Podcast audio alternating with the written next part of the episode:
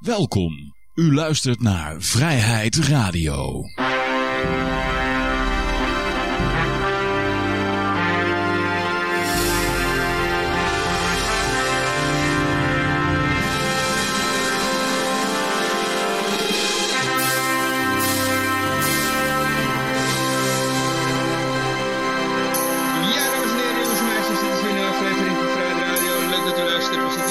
Café Libertaria. Met op dit moment Peter, Yoshi en Henk. En mijn naam is Johan. En eh, ja, ja, eh, ja, ja. Oh, Johan. Zo'n biertje openmaken, dat was het. Ja? Zeg het eens Peter. Nee, nee, ik, eh vals alarm. Oh, ja.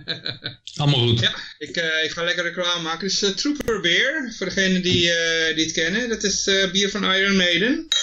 Dus eh, het lijkt me wel een hele leuke gelegenheid om daar eh, de uitzending mee eh, te beginnen. Even kijken, dit wordt de grote corona show deel 6 of?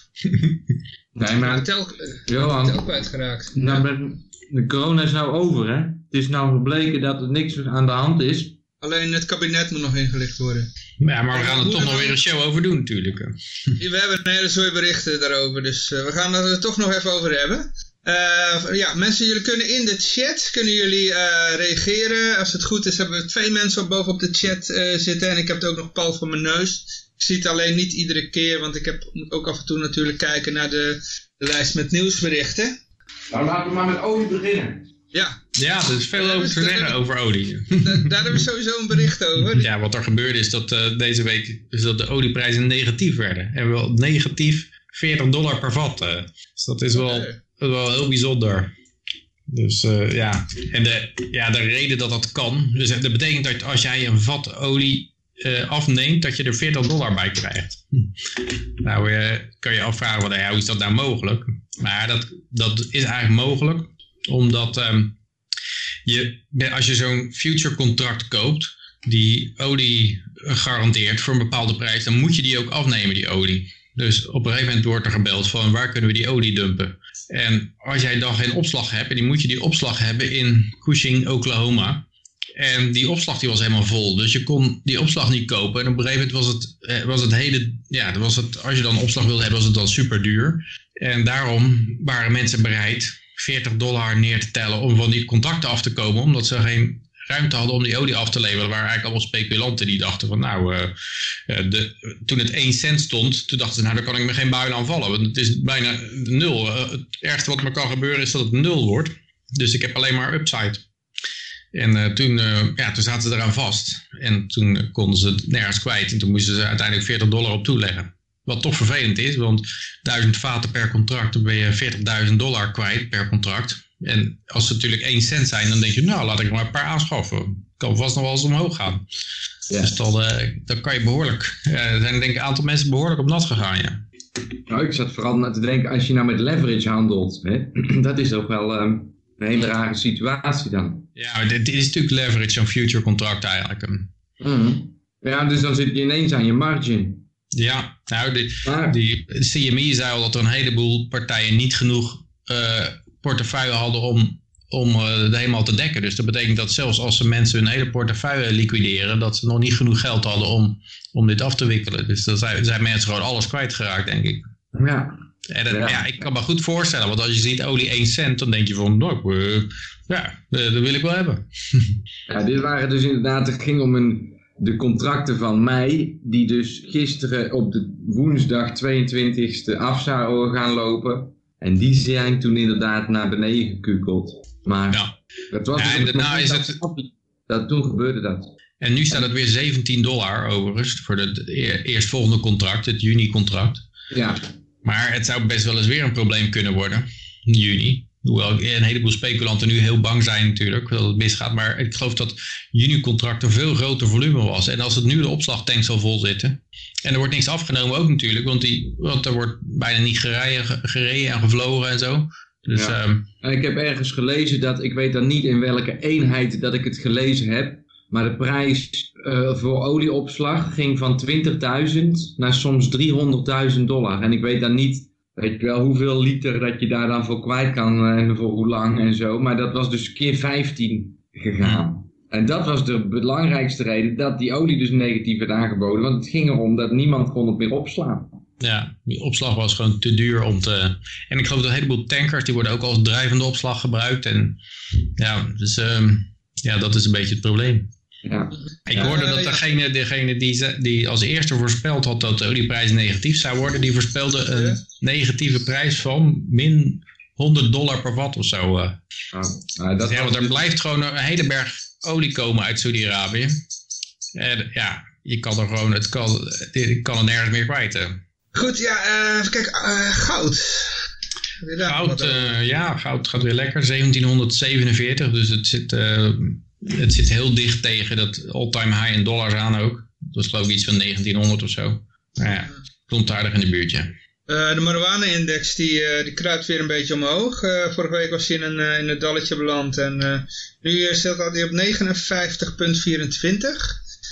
En we hebben nog de staatsschuldmeter. Die staat op 389,5 miljard in het rood. En uiteraard hebben we nog de bitcoin. De bitcoin, oh, dat had ik niet. Die staat onder de 7000 eh, eurotjes. Ongeveer 68. We zijn vandaag gaan met een ongeveer. rally bezig. Nee, nee, die is, die is, eh, die is omhoog gegaan de afgelopen uren, geloof ik. Ja, nadat hij eerder deze week omlaag gegaan was. 7500 of zo is die, geloof ik. Dacht ik. Ja, ja je, ziet, je ziet deze week een kleine reversed eh, Bart Simpson in de, in de grafiek. 7438 dollar is die. Ja, ja. Ja. In euro staat hij net onder de 7000. ja. Hm. Eh, ondertussen wat reacties in de chat eh, zie ik. Frommel zegt iets over OPEC. OPEC wordt het niet eens. Oh, oké. Eh, Rusland en eh, de VS eh, in eh, ruzie met elkaar. Dus ja, goedkoop tanken. Oké. Eh, waar Ja, ik geloof dat wel in, Nederland, in Nederland toch de benzineprijs niet onder de 1 euro per liter kan komen vanwege de belasting. Ja. Ja, en je vraagt je af hoe lang ze dit soort, eh, hoe, hoe lang zij hun olieproductie willen afstaan voor zo weinig geld.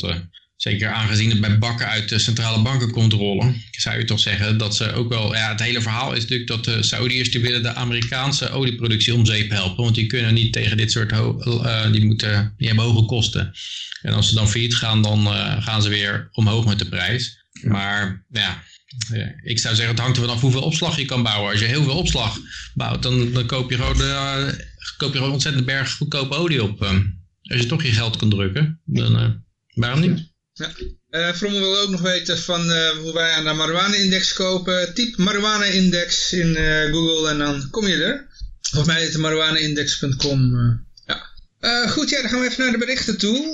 Ho, ho, ho, Oh, fertility oh, oh, index. ja, ja, sorry Henk. Ja, Ja. fertility index. Ja. Want de- we hebben nog behoorlijk moeten eh, werken aan de fertility index. Het aantal liters verschoten zaad per geboren kind. Omdat, ja, anderhalf meter samenleving, hè. Dat betekent niet alleen dat, eh, dat eh, personen, zeg maar, hè, over anderhalf meter eh, zaad naar elkaar toespuiten. Maar dat, dat ook de metingen nu van anderhalf meter plaats moeten vinden. Nou, god, wat is dat echt een, een om dat voor elkaar te krijgen. Dus daar hebben we maar gewoon een modelletje opgeplakt, zeg maar. Dus nou golft het weer en ziet het weer florissant uit. Oké, Ja. mooi. Ja, goed, ja, dan hebben we eh, de berichten. Even kijken, olie in de uitverkoop. Ja, daar hadden we net al over gehad. Ik weet niet of we er nog iets aan toe kunnen voegen. Nou ja, ik hoorde wel iemand een leuke theorie hebben dat het, ehm, dat het omgekeerde zou kunnen gebeuren met goud. Want hier waren eigenlijk, eigenlijk eh, ja, wilden de, de longs geen delivery nemen van de, van de olie. Maar aan de andere kant bij goud en zilver heb je speculanten die zitten, net zoals bij deze olie zitten ze te speculeren op een daling. Maar die verwachten dat ze niet hoeven te leveren. Ja, dat zou best wel eens kunnen dat er, dat er nu... ehm, eh, nu het fysieke goud eigenlijk overal uitverkocht is, dat die leveranciers daarvan ook gewoon gaan zeggen: ik koop zo'n future contract en ik laat wel uitleveren. Want dat is de manier om aan fysiek goud te komen. En die speculanten die rekenen daar ook waarschijnlijk niet op. Die denken: ik rol het gewoon door naar de volgende maand. Maar dan ontstaat eenzelfde probleem, maar dan voor de andere kanten. Ik ben nog het zou nog interessant zijn om te zien hoe dat gaat lopen. Ja, dan gaan we even naar de Nederlandse bank toe. Want eh, die gaan ook helemaal in de crypto. Die willen met een eigen stablecoin eh, op de markt komen. eh, komen. Of ze overwegen een eigen tether. Ja. Ja, en centrale banken die willen op de, op de hele crypto ding springen, trein. Maar het probleem is natuurlijk dat het hele doel van hun is dat ze alle betalingsverkeer kunnen controleren. Dat je eigenlijk allemaal direct een rekening hebt bij de centrale bank. Maar ook dat zij dan de, de digitale expansie van de geldhoeveelheid kunnen controleren. Dus ik denk dat het gewoon hetzelfde probleem heeft als elke, ja, elke andere fiat geldeenheid. Hetzelfde probleem als iedere andere teter. Ja, Ja, ja, ja. maar het kan wel weer een manier zijn om, er- om er weer een, een laag eh, credit creation bij te gooien. Want eh, ja, er zit weer, je zegt van de, de, het, wat er eigenlijk gebeurde met Bretton Woods is dat ze zeggen, nou, eh, de dollar zit aan goud gekoppeld en de rest van de munten zit aan de dollar gekoppeld. En dan kan je een, een hele grote expansie hebben door zo'n piramide te maken die aan de wortel nog aan goud zit. Er, of ergens aan iets eindigs vast zit, maar daar zitten allemaal lage krediet overheen die allemaal opgeblazen kunnen worden. En die tether, die zou je of die, of die, eh, die DNB-tether, die zou je ertussen kunnen zetten. Ook weer als een soort eh kredietcreatielaag. Ja, Mike Maloney heeft hier zijn ik, ik, ik volg Mike Maloney, vind ik een leuk iemand om te zien. Zien Die zet dagelijks video's op het, op het internet. Hm. En die spreekt er dus van dat het vertrouwen bij de Amerikanen weer gekocht gaat worden. En iedereen moet zijn eigen versie downloaden. En krijgt dan 5000 dollar. Nou, en iedereen blij, want ze hebben 5000 dollar. Weet je wel? Ja. Ja, dat zou goed Maar kunnen. dan heb je daarna ben je dus wel je privacy kwijt met die 5000. Snap je? Die kun je dan. Ja, dat, er is geen zwart geld in zo'n systeem. Nee. Want je kan, geen nieuwe, je kan waarschijnlijk geen nieuwe code aanmaken, weet je wel. Als ze, als ze contant geld helemaal afschaffen dan, hè. Dan ben je helemaal track and trace. En dan is het ook zo dat ze, eh, ja, als ze jou uit willen zetten, dan word je gewoon jouw account gecanceld. En dan Ja. is, al je geld, is al je geld weg. En dan eh, kan je het voor de rest wel schudden. Kun je nergens meer betalen. Wat ik ook zo opvallend vind, ik weet niet of je het gezien hebben, die Amerikanen hebben allemaal zo'n check gekregen. Die checks werden allemaal naar de bank verstuurd. Maar soms kwamen ze ook nog eens bij de verkeerde bank terecht en zo. Ja, het is heel eh, primitief daar, hè. Ja, dat gaat er allemaal in de enveloppen. Zo. Sommige enveloppen waren gewoon opengemaakt eh, ergens bij de post of zo. Eh, ja. maar ja, goed, ja. kan ik ook nog wel wat leuks over zeggen, Johan. Nou, vertel, vertel. Ja, sorry hoor. Ik ben dus op de achtergrond ben ik aan het koken. Dat is allemaal heel erg onhandig. Maar hier in Servië, jongen, dan moet ik ook eh, iedere keer... Je kan ook bij ehm, wisselkantoortjes betalen het ook voor je, maar die vragen iets meer commissie. Heel veel van de gewone Serven die betalen dus bij het postkantoor. Nou, er staat iedere dag een rij van 20 man. Oké. Ja, op een bepaalde tijd. Dat is meestal rond 10 uur s ochtends en om eh 5 uur s middags of zo. En dan staan er altijd... En al die mensen die gaan dus met contant geld naar het postkantoor en daar betalen ze de rekening contant aan de balie. Even een tussendoortje. Ik zie dat er heel veel in de chat eh, wordt geschreven. Ehm, eh, Henk, eh, misschien een update geven? Of uh, Albert Heijn eh, nog niet kan afrekenen met bitcoin. En dan staat er ook nog BCH, ik weet niet wat dat is. En ik denk Bitcoin Ethereum. Cash. Ja. Ja, En ETH ETH. En er staat ook, eh Frommel zegt ook nog, als het niet breed geaccepteerd wordt, is het eh, nog steeds alleen spendeerbaar als fiat. En hij zegt ook nog, Jossie, hetzelfde probleem. Je moet crypto wisselen voor goud. En dan om je brood af te rekenen, waar betaal je mee? Ja, Waar betaalt je mee? Waar betaalt je mee? Ja. Denk je daar wel? Ja, je moet allemaal omwisselen voor dienaar. Ja, dat, eh, nee joh. Ehm, dit is zo, ja, dat is ook zo. Is ook zo. Maar, dat ligt Maar de vraag is een beetje, zeg maar, als ze iedereen gaan Assange, dus eh, eh, iedereen eh, die ze niet be- wel bevallig is, gewoon eh, afsluiten van het betalingssysteem, dan zou je verwachten dat er op een gegeven moment een soort markt komt, een soort zwarte markt voor andere betaalmiddelen, waar je dan wel mee kan afrekenen. Alleen je vraagt je inderdaad af, als er alleen nog een paar grote supermarkten over zijn, dan zal het wel heel lang duren, denk ik. ja, ja. Ik denk dat een heel klein buurtmarktje, die kan nog wel besluiten om iets anders te accepteren, als die eh, zelf denkt het ook weer kwijt te kunnen. Maar zo, die hele grote ketens zullen dat niet snel doen, denk ik. Nee, nee. En het is wel heel sneu dat juist die kleine jongens, die worden daarna allemaal uitgewerkt natuurlijk door die hele covid-sluiting.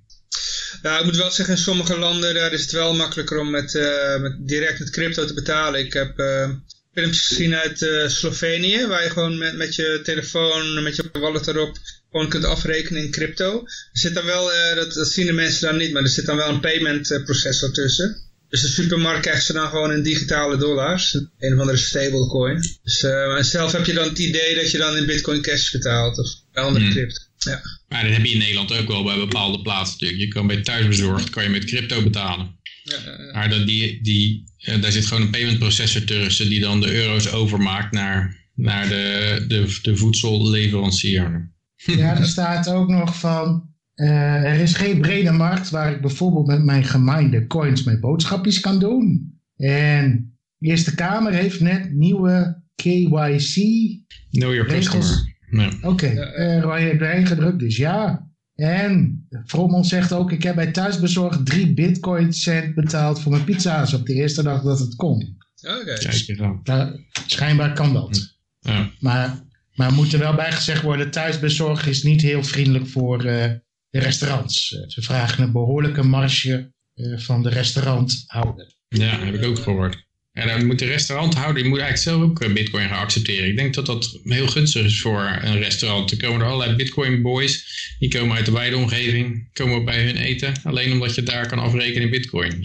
Maar het is uiteindelijk gewoon op de markt geld waard. Ja. Zo, moet je het, zo, zo moet je gewoon zien. En thuisbezorgd, daar kun je dus inderdaad broodjes en pizza's en eten kopen. Die accepteren dat vanaf 2014. Maar dat is eigenlijk helemaal geen echte acceptatie. Want die hebben dus een soort PayPal-dienst en die heet BitPay. En daar kun jij selecteren, wil jij euro's of wil je crypto's? En thuisbezorgd heeft in de piek van de- de markt hebben ze gezegd dat ze in totaal in drie jaar tijd iets van 37 miljoen euro aan omzet via bitcoin hadden. Zo, Ehm, maar dat al die bitcoins dus zijn omgewisseld eh, direct voor fiat. Ja, En ja. daar hebben ze dus nul speculatief winst op gehaald. Hmm.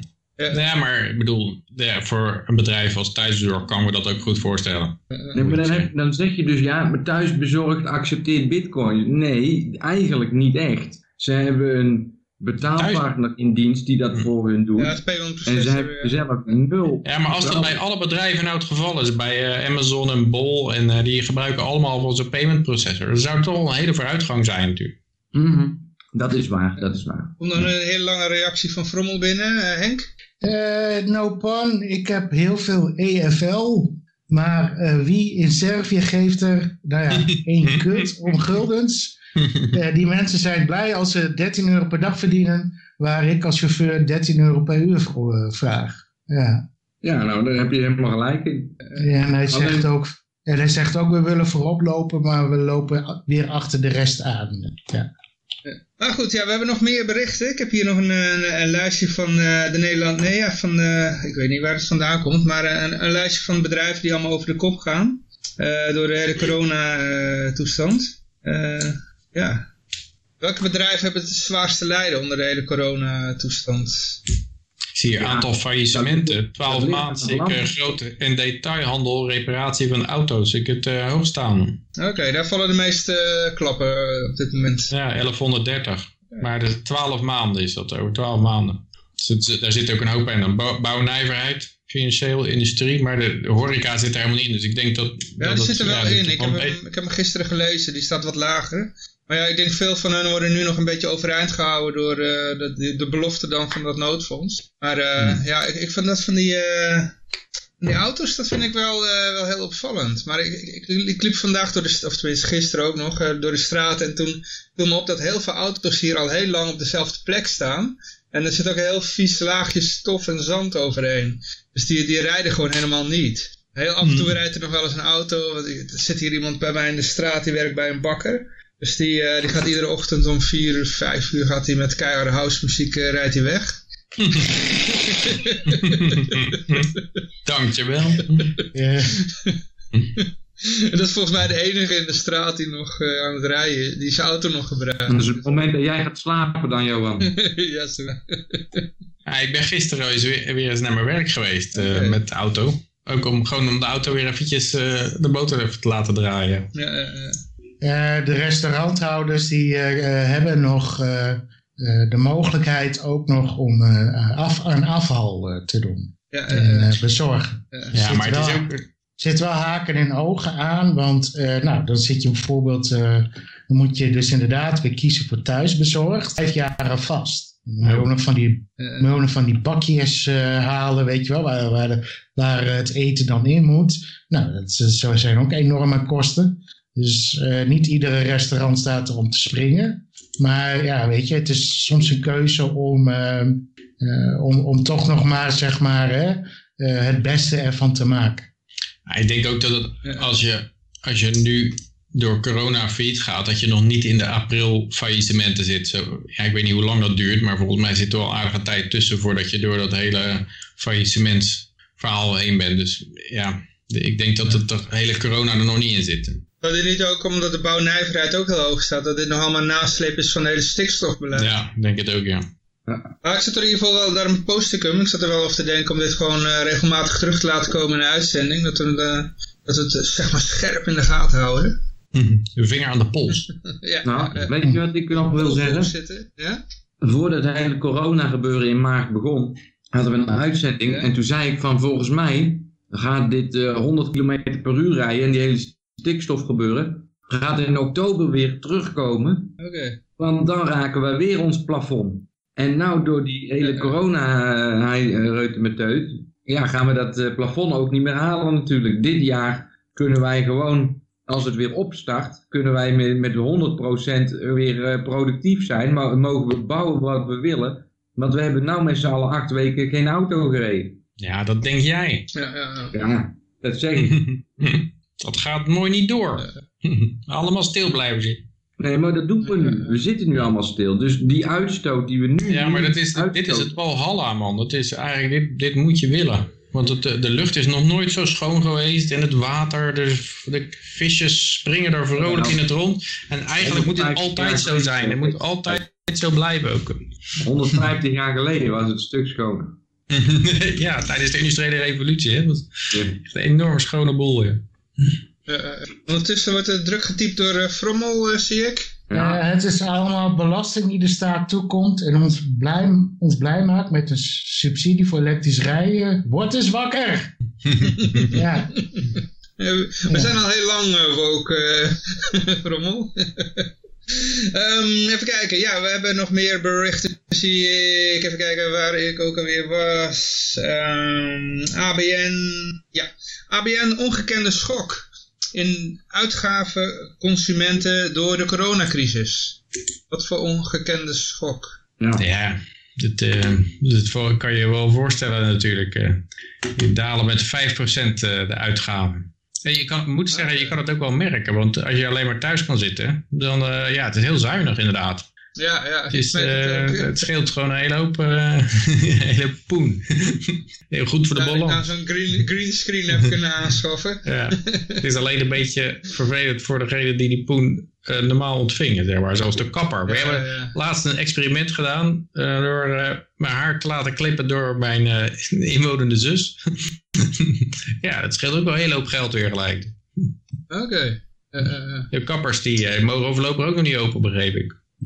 Ja. ja. Nou, ik moet zeggen, ik, ik heb van, uh, vanmiddag even vier ontbijtbordjes gehaald bij uh, de blokker.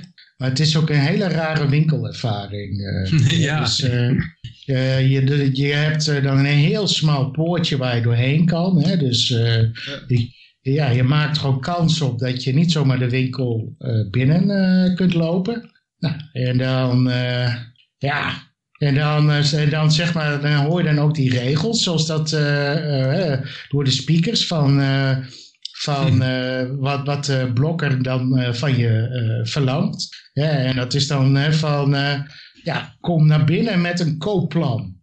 Nou, ik was gewend om bij de blokker gewoon even gewoon te kijken van wat heb ik in mijn huis nodig. Ja, niet met een koopplan. dat is toch, ja, ik bedoel, ik heb wel een plan, dat waren die vier ontbijtborden, maar vaak koop ik ook nog iets ernaast, weet je wel. Mm. Dus ja, dat is wel, uh, en ik snap heus wel waarom ze dat doen, maar ja, dat, dat, dat gaat natuurlijk wel invreten op een gegeven moment.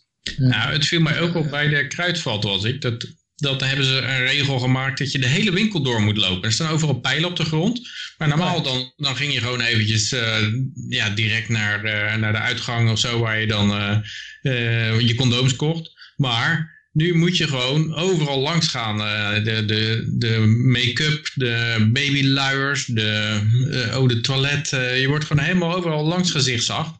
En ik heb het idee dat, is dat nou om de corona te vermijden of is dat om hun hele productassortiment onder de aandacht te brengen? ik was bij de Action en ik had een koopplan. En, eh, alleen ik, ik wist niet waar het allemaal ligt. Dus eh, ik kom bijna nooit in de winkel. Moet je eerst de hele tijd buiten in de rij staan voordat je naar binnen mag. En eh, ja, ik had zoiets van, wa- wanneer komen de detectiepoortjes en dan de mensen met handschoentjes aan die je gaan fouilleren. ja, Het is bij de luchthaven.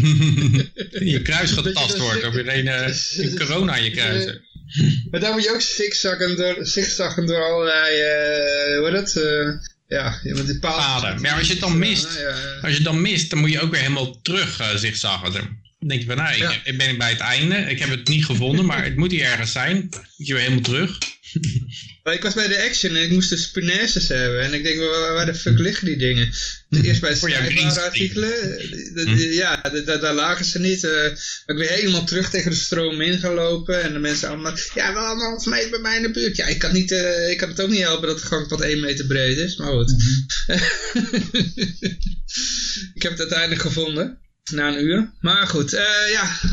Ja, ik hoorde ook, eh, dat is niet, niet in Nederland, maar ik hoor nou van eh, dat, dat, dat, ze die, eh, dat ze via de speaker omroepen wat er van je verwacht wordt. Maar ik hoorde laatst dat in Amerika hebben ze een grote paal ook op parkeerterrein staan. Die, die eh, met megafoons die dingen naar je toe schreeuwen. Dat komt heel erg communistisch over. Ik weet eh, dat Ja, ooit in het ja. oude, eh, ja, vroeger naar China ging. En dan hadden ze ook allemaal van die speakers op palen staan. Die zo, de, de giant voice-achtige systemen. Die eh komt heel erg totalitair over.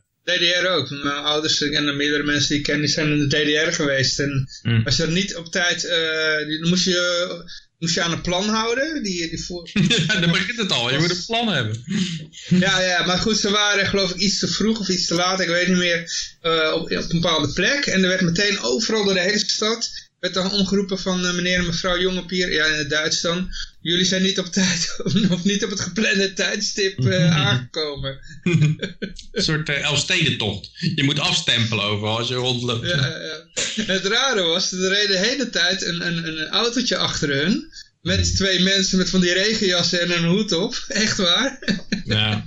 Die, die reden de hele tijd achter hun aan, weet je wel. Dus, eh, Maar het gaat nog steeds weer op elkaar lijken. Want we hebben nou eigenlijk wordt hier helemaal die surveillance, eh, de, de, de digitale surveillance state ingevoerd. Met allemaal eh, face recognition en eh, tracking apps. En eh, ja, het, het, het doet niet onder voor Oost-Duitsland. in Oost-Europa. ja, ja, Ja, en wij zitten erbij en kijken ernaar. ja. Ja, moet je doen. Je kan hem eh, een, een, een, een podcast maken om er tegen te, te, te ver- eh, fulmineren. Nou ja, het begint Ja, erbij dat iemand het ziet, hè? Dus, ja eh, eh, dat er iemand woke wordt. ja. Wat zegt de Frommel ondertussen?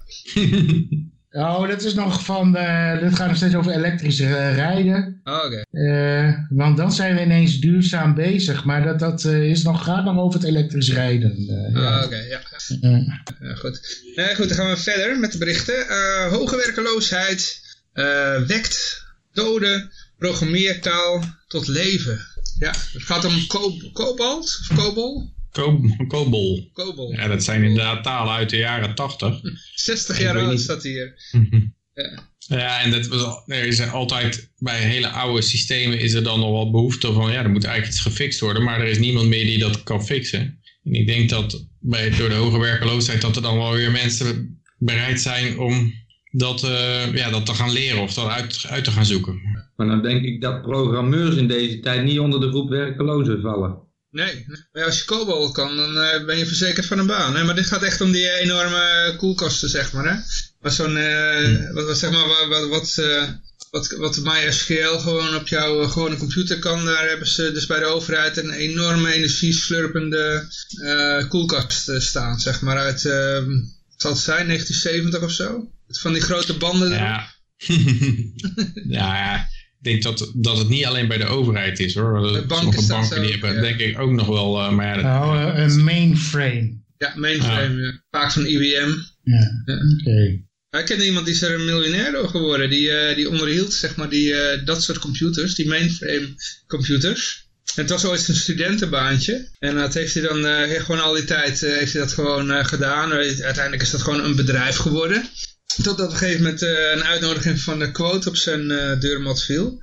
Eh, van dat hij bij de quote 500 hoorde. Ze hadden nog opgebeld van nou ik heb mijn bankrekening gecheckt, maar dat staat er echt niet op. Maar toen zeiden ze nee, uw bedrijf is zoveel waard. Kunnen ze dat eh, ook zomaar zien, hoeveel je bedrijf waard is? Er is toch geen markt voor, ja, bedoel, het is toch geen, eh, maar wat te gek te vergeven voor zo'n bedrijf. Ja, nou ja, kennelijk waren de gekken die dat eh ervoor geven, eh, geven, ja. Maar je kan, Nee, wel, je kan natuurlijk een hele groep bedrijven onder je eigen benchmark gooien. En dan zeg je, hoeveel is de omzet gestegen in de afgelopen jaar, zoveel jaar? Hoeveel is de totale marktwaarde van die markt waar deze speler zich in bevindt? Eh, allemaal dat soort dingen. En dan kun je dus gewoon, alle bedrijven in Nederland deponeren hun jaarcijfers bij de Kamer van Koophandel. En daar kun je dan in theorie de, de grootste groeiers, of weet je wel, als je veel groeit, dan wordt dat meestal ook niet eh, verzwegen. Hè? Dus dat soort bedrijven die komen dan aan het licht en dan eh, gooien ze dat door een, door een, door een... Ja, dat is gewoon een algoritme wat bepaalt... Dat hoeft inderdaad niet die waarde op dat moment te zijn, maar als je wel consequent alle bedrijven op dezelfde manier test, kun je er wel iets op die manier over zeggen. Ja, nee, het zoiets zal het wel zijn. ja. Maar wat ik wel opvallend vind, hè, bedoel, dan, eh, waar- waarom is het dan nu in één keer, eh, kijk, ja, de werkloosheid is, is toegenomen, maar bij de vorige piek van werklozen eh, was, was toen uh, COBOL geen issue dan? Ja, waarom gaan ze dit nu opeens uit de kast halen? Dit gaat helemaal niet om corona. En die- Nee, COBOL, COBOL. Nee, dat weet ik wel. Maar jij houdt erover dat het nu anders is dan toen. Dat komt omdat het nu... Het is nu pas de opmaat naar de Global Currency Reset, Johan. Over een is, half eh, jaar. daarom Ik denk eh, dat het door de DNB komt. De DNB wil natuurlijk zo'n crypto eh, maken, zo'n tether, crypto-tether. En die gaan ze in COBOL schrijven. Die, ja. Daarvoor hebben ze natuurlijk al die COBOL-programmeurs nodig om een eh, DNB-tether te maken. Ja. Ja, ik weet niet, ik denk eerder andersom hoor. Maar eh, dat ze van die, eh, dat, dat ze het allemaal willen vernieuwen, zeg maar, die, eh wat is het, die, eh, die hele systemen die ze hebben. Ja, houd het goed, is gewoon een gok hoor, van mij. Ja. Eh, ik zie, het- zie het meer eh, van, eh, ja, er, je, heel veel mensen zitten gewoon thuis. Je raakt uit je ritme, dat soort dingen. Dus je gaat toch een beetje zo kijken van, ah, weet je, hoe kunnen we dingen anders inzien? Ik bedoel, ja, ik bedoel, als ik ook gewoon kijk van eh, wat, wat er in de muziekwereld eh, eh, aan kortingen wordt gegeven, dan wordt zeg maar dat gefaciliteerd van jongens, maak er een creatieve periode van, eigenlijk. Hier staat, so how, how can you learn it? Mega big bucks and save lots of state agencies that need to need new code to deal with all the new government stimulus programs. Dus er komen Hmm. government stimulus programs en die vereisen nieuwe code. En dan moet je kennelijk die oude code eerst eh, begrijpen en herschrijven of zo. Maar, ja. Dus het komt allemaal door de stimulus dat, deze, dat, dat, dat dit weer nodig is of Ah, zo. Oké, ja, ja dan, is, nou, dan zoek je een gat in de markt. eh, ja. ja. Maar goed, eh, ja, er zijn ook nog een paar ondernemers die eh, ja, toch willen blijven draaien. Je noemde al net de muziek, eh, eh, Henk. Ja, Defcon, Defcon 2020 kon niet doorgaan vanwege de, ja, net zoals Pinkpop ook niet kon doorgaan. Want ja, te veel mensen op één plek. Maar ja, nou zei Rutte dus dat voor, eh, voor religieuze samenkomsten is een uitzondering gemaakt. Ja, Ja, maar het raar is, ik begreep tot 30 man. 30 Dat man, begreep ja. ik ook, ja. Ja, dan worden- heb je dus een heel festivalterrein met allemaal kleine kerkjes. Waar Ja. maximaal 30 mensen in kunnen. Ja, Oké, En ze maken Ja. het tot een eh, religieuze ervaring. nou ja, nee, dat lukte Defcon wel. Want eh, zeker de oude Gabber en de oude House had een hele spirituele inslag. Dus ze kunnen er een heel eind mee komen. Maar ik weet niet, eh, dit, dit, dit zal ook in Nederland wel eens geprobeerd zijn. In ieder geval nu met die, met die weet dat, eh, vliegende spaghetti eh, monster. om eh, een officiële religieuze karakter te krijgen. En er zijn gewoon natuurlijk een aantal indicatoren voor. Van ben je het wel of niet? Ik weet he- helaas niet wat ze zijn. In, in de VS, ja, dan is het weer wat anders. Want Nou, dan kun je bijvoorbeeld ook echt belastingontheffing krijgen. Ja, maar goed. Hè?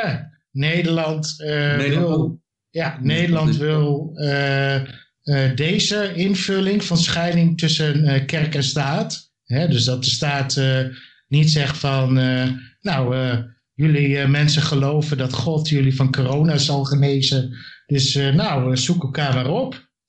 Dat moet kunnen. Tegenstelling tot de atheïsten. Dus daar komt een beetje dit onderscheid van. Ja. Ik zie hier dat eh, zo zullen DJ's niet hun gebruikelijke sets draaien, maar hardcore versies van psalmen. Confetti-kanonnen schieten host... Vet. Confetti-kanonnen Hartstikke schieten hosties het publiek in en het Ja. power hour wordt vervangen door een gezamenlijk gebed. Het vuurwerk in de endshow wordt richting het oosten afgeknald. Dus dit is eigenlijk allerlei religies door elkaar heen. Maar is het niet, eh, eh, spel. is, is het echt niet van de speld? Ja. Nee, nee, nee. Volks, Volgens eh, mij Volkskrant. Volkskrant, ja. Ja, maar je hebt toch ook gewoon zo'n krant eh, die eh, eh, berichtjes van... Want ik dacht dat ik dit ook echt bij de speld eh, had eh, gelezen. Ja, soms weet je het af en toe niet meer. Ik zag er laatst ook eentje voorbij komen. En toen dacht ik van, eh, nou, dit is de Babylon Bee. En dat was toch echt. eh, maar hier staat er echt volkskrant.nl. Cultuur min media.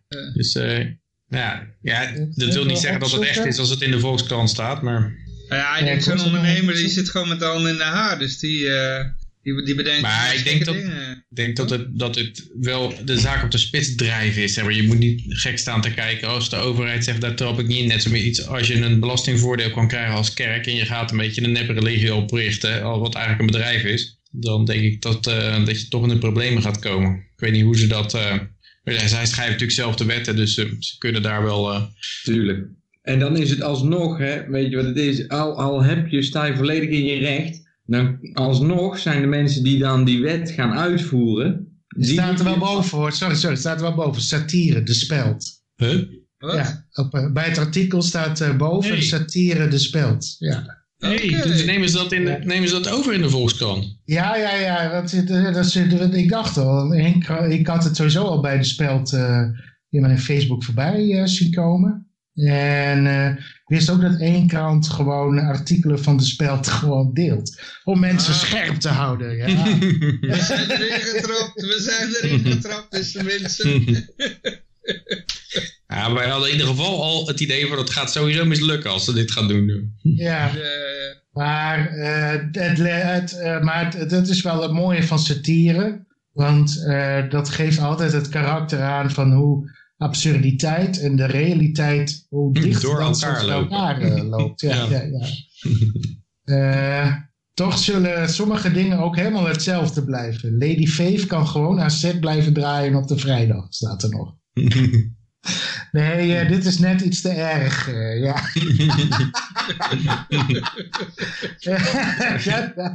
Zo zijn er vanaf vandaag in de webshop hoodies en caps te kopen. Daarop de 12 weekend discipelen. En een, en een kekke t-shirt met het spaghetti monster aan een draaitafel. Ja, het is, eh, En, dat straks staan, staan hier de red shirts, de black shirts, de blue shirts en natuurlijk de camping one church. Oh ja, oké. Ja, op zich, Dus, ja, eh, ik, ik, had er een, niet gek van opgekeken als het, eh, als het geen satire was geweest hoor. Ik bedoel, eh, nou, maar ik had er wel gek van opgekeken, als, want er gaat een hoop geld in om. ja, En eh, als, je, als jij dat hele zaak gaat organiseren en tickets gaat verkopen enzovoort. En je gaat bijna zeker ga je op een, eh, op een noodlot af. Dat het onderuit gehaald wordt. En ja, misschien ga je daarna een of ander kort geding gaan spannen. Of eh, je gaat dat nooit winnen in ieder geval. Nee, eh, nee, ik heb, heb bij de eh, corona hotline eh, eh, gewerkt. En eh, heel veel telefoontjes gingen over van ik wil een evenement eh, organiseren. En eh, dat mag niet. Eh, dat mag niet. En nou ja, je gaat inderdaad gewoon dingen eh, investeren.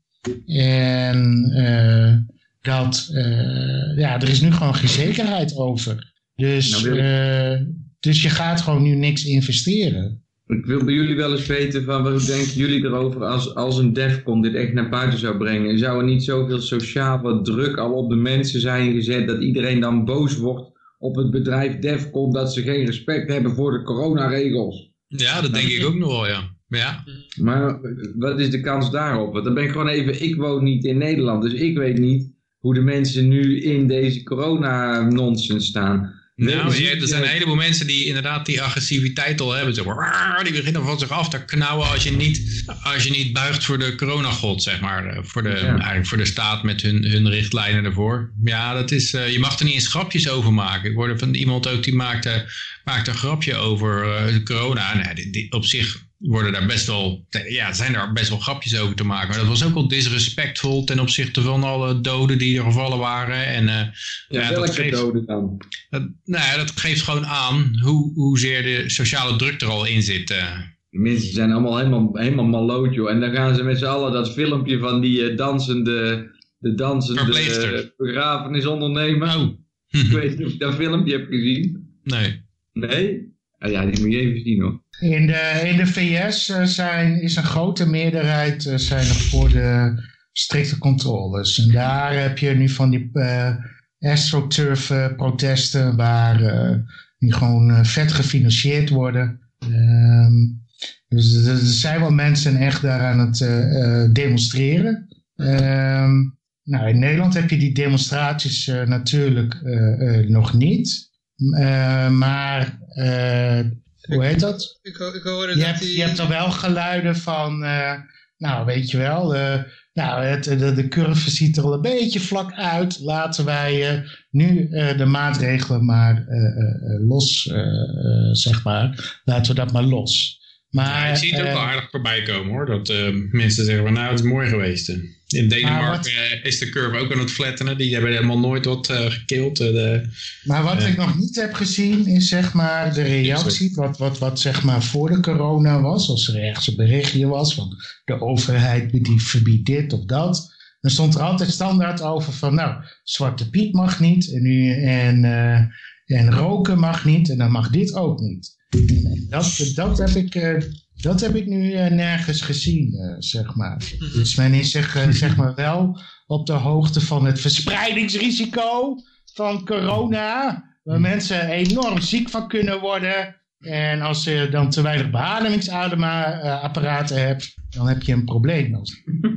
ik begreep ook dat 90% van de mensen die aan zo'n beademingsapparaat gaat, die gaat alsnog dood. Hè? Ja, Ja. ja. Het is best wel traumatisch als je zo'n zo'n pijp in je lucht kan. Kun eh je, kun je beter eh, minder kopen. Ja, ik hoorde mijn, het Beter is, wat? eh, Kun je er beter minder hebben. mijn, eh, dan gaan ze waarschijnlijk ook dood. mijn, maar- schoon, mijn schoonmoeder die heeft een euthanasieverklaring eh, laten tekenen. Dus als ze, mocht ze aan de corona eh, komen, dan eh, wil ze niet aan de beademing, maar gewoon huppa, meteen stekken eruit, zeg maar. ja, nou, dat heet geen euthanasieverklaring, maar er waren ook een paar belletjes over. Dat heet een wilsverklaring. en die kun je... Ja, dat. En die kun je downloaden bij de Patiëntenfederatie. En dan kun je dus zeg maar, hoe heet dat? Je maar zeggen van of je een benademing wil of reanimatie of eh, eh, dat je nog gevoed wil worden. Dus alles staat er wel in. Voor mensen die wat ouder zijn. eh, ehm, ja, die, die, sommigen staan er anders in, zeg maar. Ik ken iemand, een vrouw van 93.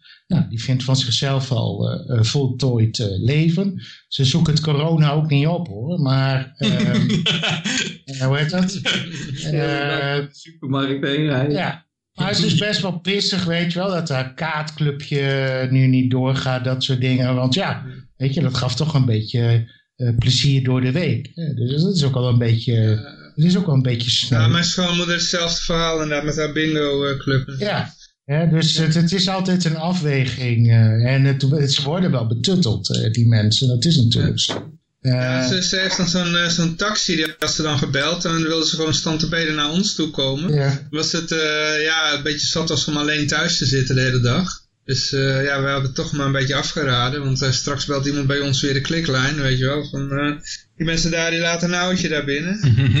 Nee, eh, nee, je wordt niet gebeld voor een oudje. Het gaat echt om hoeveel eh, mensen je in een huis hebt. Ja. Dus daar eh, heb ik ook nog een aantal vragen over gehad. Van wat moet ik nou doen? Mijn buurman heeft, eh, het zijn al tokkies, letterlijk.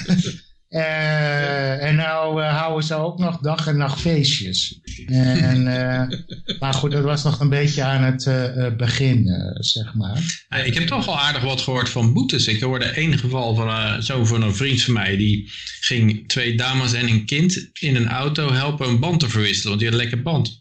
Hij kreeg gelijk 390 euro boete. Die drie mensen in de auto die kregen 1170 euro boete. Want ze waren met z'n drieën. En hij kreeg ook een strafblad. En dat vond ik toch wel vrij, eh, vrij dan? ver gaan. eh. En ik heb van mijn neefje, die heeft nou ook gehad. Mijn neefje zat ook met zijn drie, eh, drie huisgenoten in de auto. Dus die wonen al bij elkaar in één huis. Die gingen met de auto ergens naartoe. Die werden eh, aangehouden. En die, die zouden ook drie keer 400 euro boete gekregen hebben. Maar bij mijn neefje lukt het, kwamen ze net niet aan toe. Want ze werden opgeroepen voor iets anders. Dus het werd twee keer, 400, eh, twee keer 390, dan zal het wel zijn, boete. En die twee kregen ook een strafblad. Ik vond het wel, eh, wel heel erg bijzonder dat ze Oh. daar strafbladen voor uitdeden. Straf, strafbladen, dat, dat, eh, dat, dat ja, ik, dan, dan moet er ook iets anders zijn gebeurd. Want soms wordt er ook een valse naam opgegeven, weet ik het. Tenminste, daar was vandaag een artikel eh, over. Van, er was, nou, dat ging dan echt gepaard met rijden zonder rijbewijs en dat soort dingen. Dus, ehm, maar eh, dat, dat is soms ook een hele rare regel. En Twee weken geleden zijn toen ook vier Enschedese studenten ook eh, eh, aangehouden voor, ehm, voor dat ze met elkaar in een, in, een, in een auto zaten. En officieel is de regel, ja, huisgenoten, dan ben je een soort gezin. Maar ehm, ja, dat, dat, dat is natuurlijk wat lastig op de straat te controleren. Dus ik denk dat je het dan moet voor laten komen. Maar Dat zei hij dus ook. Eh, hij zei ook van, mag een gezin dan ook niet naar buiten, zei hij tegen die politieagent. Ja. En die agent die zegt, nee, dat mogen het, ze niet. het bijzondere is, we kregen ook mensen eh, die dan eh, doorgestuurd werden van de gemeente of de veiligheidsregio Haaglanden. Dus dan hadden ze al een bekeuring gehad. Maar dit ging dan over een aantal buitenlanders in een busje voor, eh, voor de tuinbouw, zeg maar. En, eh, maar in wezen ja, wist de burgemeester en, en, de, en, de, hoe heet dat? en de politie wisten niet waar ze op aan het handhaven waren. En dat is dus wel bijzonder. Want als wordt je gewoon zomaar verzonnen gewoon. Van, eh, ja, ja, ja, dus dat zou je dan ook voor laten komen. Maar goed, de mensen die hebben dan al zeg maar de moed in hun, die zit dan bij hun in de schoenen. Maar want het zit zo, de veiligheidsregio bepaalt per veiligheidsregio wat de regels zijn. En in principe heeft elke veiligheidsregio nu die eh, drie personen maximaal. En ook dat van die auto, want het is ook al raar natuurlijk dat de burgemeester eh, auto's eh, gaat laten controleren. Want dat is geen publiek. Er is geen publieke ruimte natuurlijk. Als jij in een auto van een ander stapt, gaan ze je een beetje raar aankijken. Tegenstelling tot eh, als je een- door een park eh, loopt. Dus, maar ja, Het is Mensen ook een het- register, zo'n eh, auto. sorry? Ja, nou, met, met de kentekenplaat is die auto jouw privébezit. Ja, nee, toch? Je bent toch gewoon staatsbezit? De- uiteindelijk betaal je alleen voor de kentekenplaat, hè, niet voor de auto. Dus dat is ook weer een, hele, een heel dingetje. Maar, ehm, daar- doordat, doordat jij dat nummer voert, is het naar jouw BSN-nummer te herleiden. Dus het is inderdaad geen openbare weg. Als, als er iemand eh, schade aanricht, dan is het schade aan jouw privébezit. Snap je? Ja, Ja. dat moet anders uit. maar Nee, er is geen privébezit in Nederland, toch? Ze kunnen alle, altijd alles in beslag nemen ten alle tijden. Alles is van de koning, hè? Als jij geen wegenbelasting betaalt, dan komen ze gewoon je auto in beslag ja, nemen. dat is zeker waar. Ja, ja, ja. ja. Maar de politie is de handhaver. Hè, en in wezen is dus de burgemeester. Hè, het, het, die, eh, de, de, de regel van, van hoeveel zit je in een auto, dat gaat uit van een noodverordening. En daar, eh, en daar, heet dat, daar, daar gaat de burgemeester over. Maar het wordt dus heel raar als, dus zeg maar de gemeente en de politie de burgers naar een corona-informatielijn stuurt. Van, eh, nou, wat, wat, eh, wat, wat moeten wij hiermee? Zitten van, ja, in principe mag de eh, burgemeester het bepalen, weet je wel. Die mag bepalen waar die agenten op handhaven. Maar dat is dan overal anders ook. Eh, dat weet ik niet. Net maar dat als zou dus- gemeentelijke, orde, eh, gemeentelijke verordeningen, die zijn ook overal anders, van gemeente tot gemeente. Ja, eh, maar dit gaat dan echt via veiligheidsregio's. Dus er zitten dan een aantal gemeentes onder. Maar daar, dat van Den Haag was wel bijzonder. Hoor. Dat was, daar is, hoe heet dat, Remkes de voorzitter. Nou, voor zover ik weet, zijn nog een tijdje minister van Binnenlandse Zaken geweest. Nou, als hij niet weet wat een, wie de noodverordening opstelt, dan weet ik het ook niet meer. Ja, Ja, ja. Maar, eh, Dit was nog ja, allemaal onder DEFCON, geloof ik. Ja, dat is nog allemaal een Defcon. ja. Hey, laten, we, laten we even verder gaan, eh, beste mensen. Eh, de WOP-verzoeken, dat... eh, ja, even kijken, wat was er met de WOP? Er was een berichtje over WOP, hè? Over WOP, hè? Ja, ja. Gaan op de lange baan. Ja, WOP gaat op de lange baan.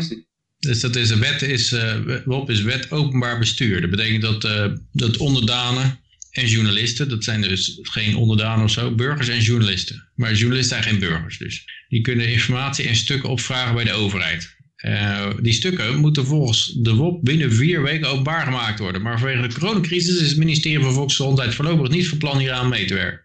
Dus ja, er worden allemaal van dit soort dingen doorgevoerd, over heel de wereld overigens. Bij, ze zich gewoon allemaal niet aan hun eigen regels houden zelfs. Ook al, ehm, ja, dat was nog de laatste strohalm waar je als onderdaan een beetje aan vast kon houden. Maar dat, dat, dat doen ze ook niet meer nou. Ik, ik begreep zelfs dat het hele raar is dat die allergrootste bill in de, in de Verenigde Staten, die enorme stimulansbill, daar werd niet eens over gestemd. Toen moest die, eh, die eh, Thomas Massey, die moest eh, die, die riep op tot een stemming en daar waren ze eigenlijk heel boos op hem. Want ze wilden de grootste bail-out bill ooit, die wilden ze eigenlijk zonder stemming er doorheen jassen. En wat er uiteindelijk gebeurde, is met de handstemmen, zo'n zo'n je's en nee stem, zeg maar, ongeregistreerd. Maar ook in, hier in Nederland wordt er gewoon, gewoon eh, maar ja, alles eh, doorheen gejast. En oké, dat wet openbaar bestuur, dat is toch maar lastig. Hupsakee, schort er gelijk op. Daar gewoon de Green Deal die nou gewoon doorheen gejast is, hè? Eh, greenscreen? Nee, de Nee. Green Deal, de Green Deal. ja, is die er ook doorheen gejast? Nou ja, daar komt het eigenlijk op neer. Ik bedoel, iedereen heeft een basisinkomen. Eh er Ja, rijden ja. geen auto's meer, er rijden geen vliegtuigen meer. Ik bedoel, eh, Oca- Octasia Cortez die heeft gewoon de zin gekregen. En niemand heeft, een heleboel mensen hebben geen baan meer, dus dat is ook gewoon, je wordt niet meer uitgebuit. Ja, ja. Nee, maar dus is het ook voor dat soort mensen gewoon, als ze dat willen bereiken, dan denken die na over hoe kunnen we dat nou voor elkaar krijgen. Nou, misschien kunnen we wel een virus naar buiten brengen. en dan laten we een gerenommeerd, gerenommeerd Nou, arts. Henk, Henk, je zegt wel ja. Briljant! Je zegt wel ja, maar ik weet niet of je dat weet. Oh mijn maar god. in de Obama-tijd is dat, die, dat laboratorium, is, het heeft toen wel allemaal miljoenen gekregen van eh, 2015 geloof ik. Hebben ze Ja. Nee, miljoenen maar daar gekregen gaat het van... niet eens eh, om. Daar- daar gaat het, het gaat niet om hoe dat het je virus de, de wereld in is gekomen. Het, ging, het gaat er eigenlijk om dat toen in de eerste keer dat dat getest werd in de westerse wereld, in Londen werd het getest. En toen Ja. schatte die arts de dodelijkheid op 25% in. En toen ging iedereen op zijn achterste poten staan. En toen dacht hij van ja shit, nou moeten we de hele wereld dichtgooien. Nou en als die arts dus had vastgesteld dat het eh 1% was, 5% was. Ja, ja dat, dat, dat ene onderzoek, dat is eh, dat key onderzoek, dat is eigenlijk centraal geweest voor de, he- voor de hele paniek. eh. Ja, en dat, die man die heeft inmiddels nu, zijn vorige week of zo, heeft hij dus gezegd... Mijn, mijn cijfers zitten er gewoon enorm ver vanaf van de werkelijkheid. Mijn tests, die blijken niet overeen te komen met wat er nu gebeurt. Nou, Ehm, ik, Ik ik, zie- heb, ik heb zeg maar hè, eh, eh, informatie van het RIVM eh, elke keer eh, moeten doorgeven. En ehm, de sterftecijfer van 25% is mij nooit, eh, die is zeg maar mij nooit voorgekomen. Eh, de, de, de dat zijn dat de... Nee, nee, maar dat is de Engelse, hè? Wat, Josje noemde was, in Engeland was dat, hè? In Groot-Brittannië. Ja, Ja, dat- En, eh, en, en eh, kijk, het kan er wel zijn, hoe heet dat? Want je hebt twee dingen aan dit virus. Je hebt de besmettelijkheid, ja, en die is heel hoog. En, eh, en de sterftecijfer. Maar de sterftecijfer, die, eh, die zal eh, altijd dalen. Die zal altijd dalen. Want ehm, je begint gewoon een keer ergens. Maar dat, dat land, dat, dat laat zich natuurlijk verrassen. Daardoor is het een on, daar is het een onbekend eh, virus voor. En dan vliegt het de wereld over. En dan heb je dus andere landen die eh, zich meer hebben eh, voorbereid. Of die meer IC-capaciteit hebben. en maatregelen hebben getroffen. waardoor het sterftecijfer ineens een stuk lager is. Maar ik snap wel waarom mensen zich zo focussen op het sterftecijfer. Maar uiteindelijk is het besmettingscijfer is belangrijker bij de eh, pandemie. Het gaat maar- er ook, wie, wie gaat er dan uiteindelijk dood aan? En dat is ook gebleken dat de jongeren gaan er gewoon niet dood aan. Mensen onder de 50 hoeven niet bang te zijn voor corona. Maar ze worden wel bang gemaakt om maar iedereen uit elkaar te spelen. Divide and conquer. Klaar. Want we gaan naar een currency reset. En dus worden we een beetje warm gestoomd voor als dat eenmaal zover is. Zo, eh, zo kijk ik ernaar. Er zijn zeker wel mensen eh, van onder de 50 aan eh, eh, dood gegaan. Zeker. Ja, maar als- die hadden allemaal, eh, die hadden toch allemaal wel kanker of zo. Ik bedoel, Nee, als je die gevallen leest van, Ja. eh, ik heb ook een paar van die gevallen nagetrokken van, ja, 13 jaar jongetje overlijdt aan, eh, eh, of, of overlijdt na, eh, na corona, eh, wat is het, eh, vaststelling. Maar dan blijkt dat, er, dat die aan iets anders overleden zijn. Jawel, maar, de- maar ook eh, eh, eh, dokters, verplegers, en die zijn wel belangrijk om de, hoe heet dat, om, de, om de patiënten te verzorgen, bijvoorbeeld. Ja.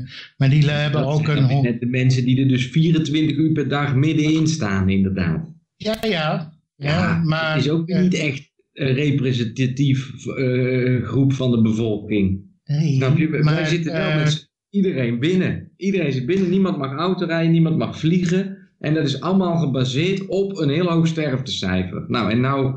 En, en dat, Dat heb je niet dat het- goed geluisterd. En dat het Rijdingscijfer. Ja, nou, is mensen van mijn leeftijd worden angstig gemaakt dat ze dood kunnen gaan aan corona. En dat is gewoon bullshit. Het is gewoon bullshit. Ja. Gewoon- het is natuurlijk raar als je het alleen baseert op een verspreidingscijfer, als het helemaal niet dodelijk is. En dat doet helemaal niks, maar het verspreidt zich heel snel. Dan ga je daar toch niet de economie voor stilleggen. Het, eh, zelfs de griep is dodelijk, hè? Want eh, in 2019 Ik zeg hadden toch we ook niet dat de griep niet dodelijk is. Maar dat is juist een van de in, de, in onze samenleving. 2019, 2019 had je, eh, dat is vorig jaar, had je ook een hele ernstige griepgolf. Er zijn ook heel veel mensen eraan eh, overleden. Hè, dus, maar dat is een sterftecijfer. Maar als je het überhaupt niet krijgt, dan, eh, ja, dan ga je er ook niet aan dood natuurlijk. Nou, dat is een hele, hele geweldige uitspraak. ja. Ja, ja maar eh, griep eh, ligt geloof ik zo bij rond de 1,2 of zo.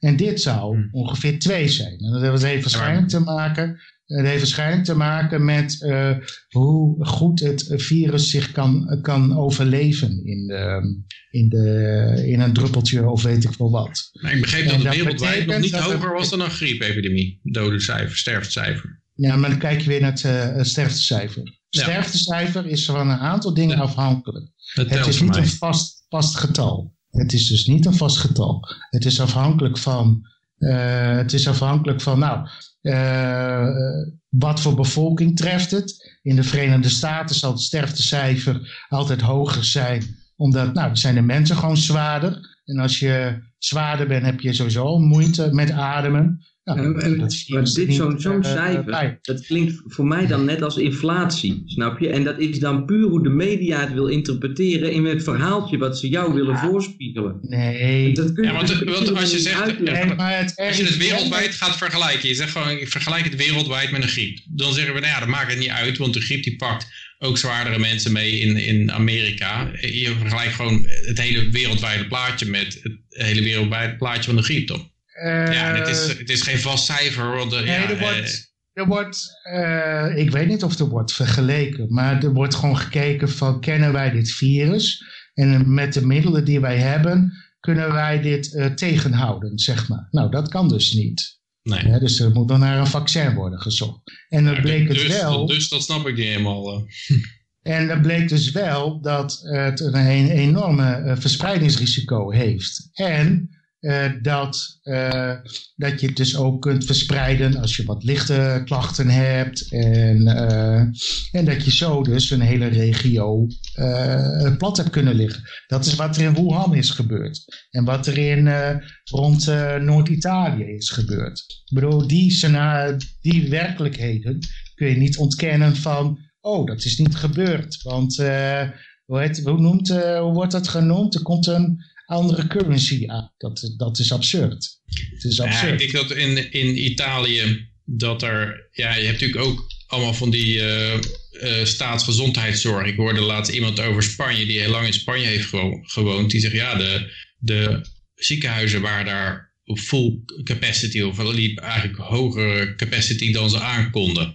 Ja. Maar die zei, ja, ik heb eh, jarenlang in Spanje gewoond en ik ben een paar keer naar het ziekenhuis geweest. En die, die zitten altijd over capacity. En, je, en er gaan mensen dood in de wachtkamer en het is gewoon een, eh een shit systeem. Dus ja, dat kan dan ook niet veel hebben. En dat maakt natuurlijk wel een hoop uit. ehm, hoe je gezondheid, ja, als, als het echt al helemaal op het randje zit, ja, dan, eh, dan krijg je er ook wel een klap van natuurlijk. Ja, maar de Nederlandse ziekenhuizen hebben eh, dat niet. Hè? En je moet het ook in verschillende fases dus zien. Hè? Dus je hebt eerst China gehad. Nou, toen had je dus een stukje wintersport, waar eh, Italië dan zwaar door is getroffen. Maar ook Oostenrijk, die, eh, die er aardig vrij is weggekomen. Want zij hebben nog, zeg maar, Oostenrijk heeft heel veel cijfers onder de tafel geveegd in, eh, in Tirol. Nou, En- nou, conspiracy theorieën. Nee, dat is gewoon zo. Ja, Waarom is dat van jou nou nooit een conspiracy theorie? Mijn, mijn vrouw die heeft Van ons in, eh, in- Mijn vrouw die kent mensen in, eh, in, in Tirol, dus die had, eh die hoorde dat daar is het gewoon echt heel streng. Hè? De, mensen mogen gewoon de dorpen niet uit. Er was iemand die ze kent, die, heeft, eh, die, is aan de chemo en die moest dus naar Innsbruck toe voor een, eh, voor een eh, bestraling. Maar dat, ja, dat mocht hij niet doen. Die moest gewoon met zijn kanker en zijn chemokuren gewoon thuis blijven. Ja. Ja, dat is ook zo. Er gaat natuurlijk ook een heleboel, eh, heleboel mensen gaan er dood. Ik hoor nou bijvoorbeeld, eh, eh, ik ken iemand die was naar een ziekenhuis gegaan hier in Nederland. Die zei het is helemaal leeg. Het is, het is, het is uitgestorven. Dus eh, er zijn een heleboel mensen die niet meer naar het ziekenhuis gaan. Omdat ze bang zijn om het coronavirus te krijgen. Of omdat eh, alle gewone dingen zijn afgelast. Maar dat kan je ook niet eeuwig blijven uitstellen. Dus het blijkt dat er een heleboel mensen met hartproblemen, met nierdialyse of eh, allemaal andere zooi die gaan, die gaan ook allemaal eh, ehm, de pijp uit. Ja, ik weet niet, worden die ook allemaal opgeteld bij corona? Nee, Corona. nee de, cijfers, eh, de cijfers zeg maar, zijn niet super betrouwbaar. Krijg je ook eh, allerlei verhalen van in de wereld. Omdat sowieso wordt niet iedereen getest en niet, niet iedereen kan ook getest worden. Je En die test is ook heel onbetrouwbaar. Hè? Die PCR-test, hebben hele grote Ja. false positives en false negatives. Dus dat zegt Ja. ook eigenlijk niet zoveel. Dus het zegt eigenlijk niks, het is meer een indicatie. Maar je moet ongeveer de logica van zo'n virus, hè, zou, je, zou, eh, je zou bedenken, nou wat is een supervirus? Ja, hè, dan zou je gewoon bedenken, nou het begint in een land en eh, nou eh, die schrikt daarvan, loopt eigenlijk achter de feiten aan en eh, daardoor overstroomt het zorgsysteem en daardoor eh, vallen al die doden. Maar ja, als je dan bijvoorbeeld iets van een Chinees nieuwjaar hebt, krijg je oh, daardoor ook eh, veel internationaal vliegverkeer van. En zal het zich ook daardoor heel snel verspreiden. En dan krijgt elk land krijgt, een soort tweede golf te pakken. Hoe reageren die daarop? Nou, is het bijvoorbeeld een wintersportseizoen, dan eh, heb je dus weer een derde golf. Is er dan in Nederland een carnaval aan de hand, dan heb je zeg maar hier vanuit Nederland weer een vierde golf. Want, eh, want eh, mensen kijken soms ook heel statistisch eh daarna. En in, in, in, in een bepaalde gevallen kun je dat doen. Maar uiteindelijk moet je het virus ook weer zo zien van hoe verspreidt het zich nou werkelijk. En dat is meer uit een soort matrix van wie heeft met wie eh, contact eh, gehad. Dan van eh, ben ik werkelijk naast iemand geweest of zo. Of ben ik, hoe heet dat? Want je kunt pri- prima naast een buurman hebben leven, zeg maar, die het coronavirus heeft en die er zelf aan is doodgegaan. Zolang hij mij niet door de muur heen heeft gehoest. maar, maar, eh, maar er, gaan, er worden heel veel, eh, heel veel modellen, zeg maar, die mensen eh, van tevoren in zich hebben, die trekken ze uit een, uit een kast om het virus te begrijpen. En dan begrijp je het virus niet. Je moet het vanuit het virus zelf bekijken en dan wordt vanzelf heel veel helder. Van wat is nou hier het probleem? En het probleem hier is dus, zeg maar, van dat als, eh, als, als eh, we onze normale gang eh, van zaken zouden gaan, zeg maar, dan zou de samenleving nog steeds plat komen te liggen door alle ziekten en dooien eh, die eh, het virus zou, ma- zou treffen. Eh, Ja, ik, eh, ik ben nog steeds benieuwd naar het, eh, de Zweedse gang van zaken. Want ik hoorde een Israëli- Israëlische onderzoeker die zei ook dat, eh, dat eigenlijk overal, of ze nou keiharde maatregelen hebben, of een beetje relaxter, of bijna helemaal vrij. Het, je ziet overal een, eh, een S-curve komen, eh, waarbij het virus eerst de meest kwetsbare personen wegmaait. En dan moet hij eh, naar de wat minder kwetsbare personen toe. En dan wordt het al, begint het al af te nemen. En de rest daar kan die gewoon, eh, ja, die kan hij wel besmetten, maar die gaan niet kastje wijlen. En je ziet dus overal diezelfde curve. En hij zegt bijna overal is het na 70 dagen weer weg. Ja, dat zou mooi zijn. Dan eh, zijn we al een heel eind. In de, in de stad eh, New York, eh, waar eh, eerst wat laconiek erop werd eh, gereageerd. Van, eh, nou, er is niks aan de hand. Hadden ze op een gegeven moment slechts een handjevol eh, IC-bedden over. En de lijken lagen toen al in, eh, in koelwagens. Ja, maar Ja, daarvan daar moet heb je ook wel... gehoord, hè Peter? Ja. Vertel Ja, maar. ik ook tussen. Je kon een coronabonus krijgen, zoiets was het, hè?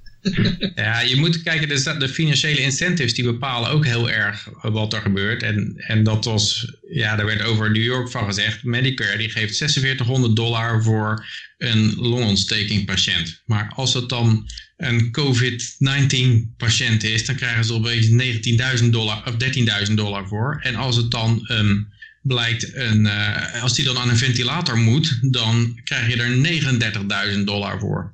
Dus ja, de financiële incentives zijn er ook wel heel erg in een, in een wat corruptere omgeving, zeg maar. Wat, waar het wat massaler is en wat minder... eh, ja, in New York is wel een redelijk corrupte omgeving, denk ik. Om, om iemand, iedereen die binnenkomt gelijk zijn beademingpijp in zijn, in, zijn, in zijn luchtpijp te rammen.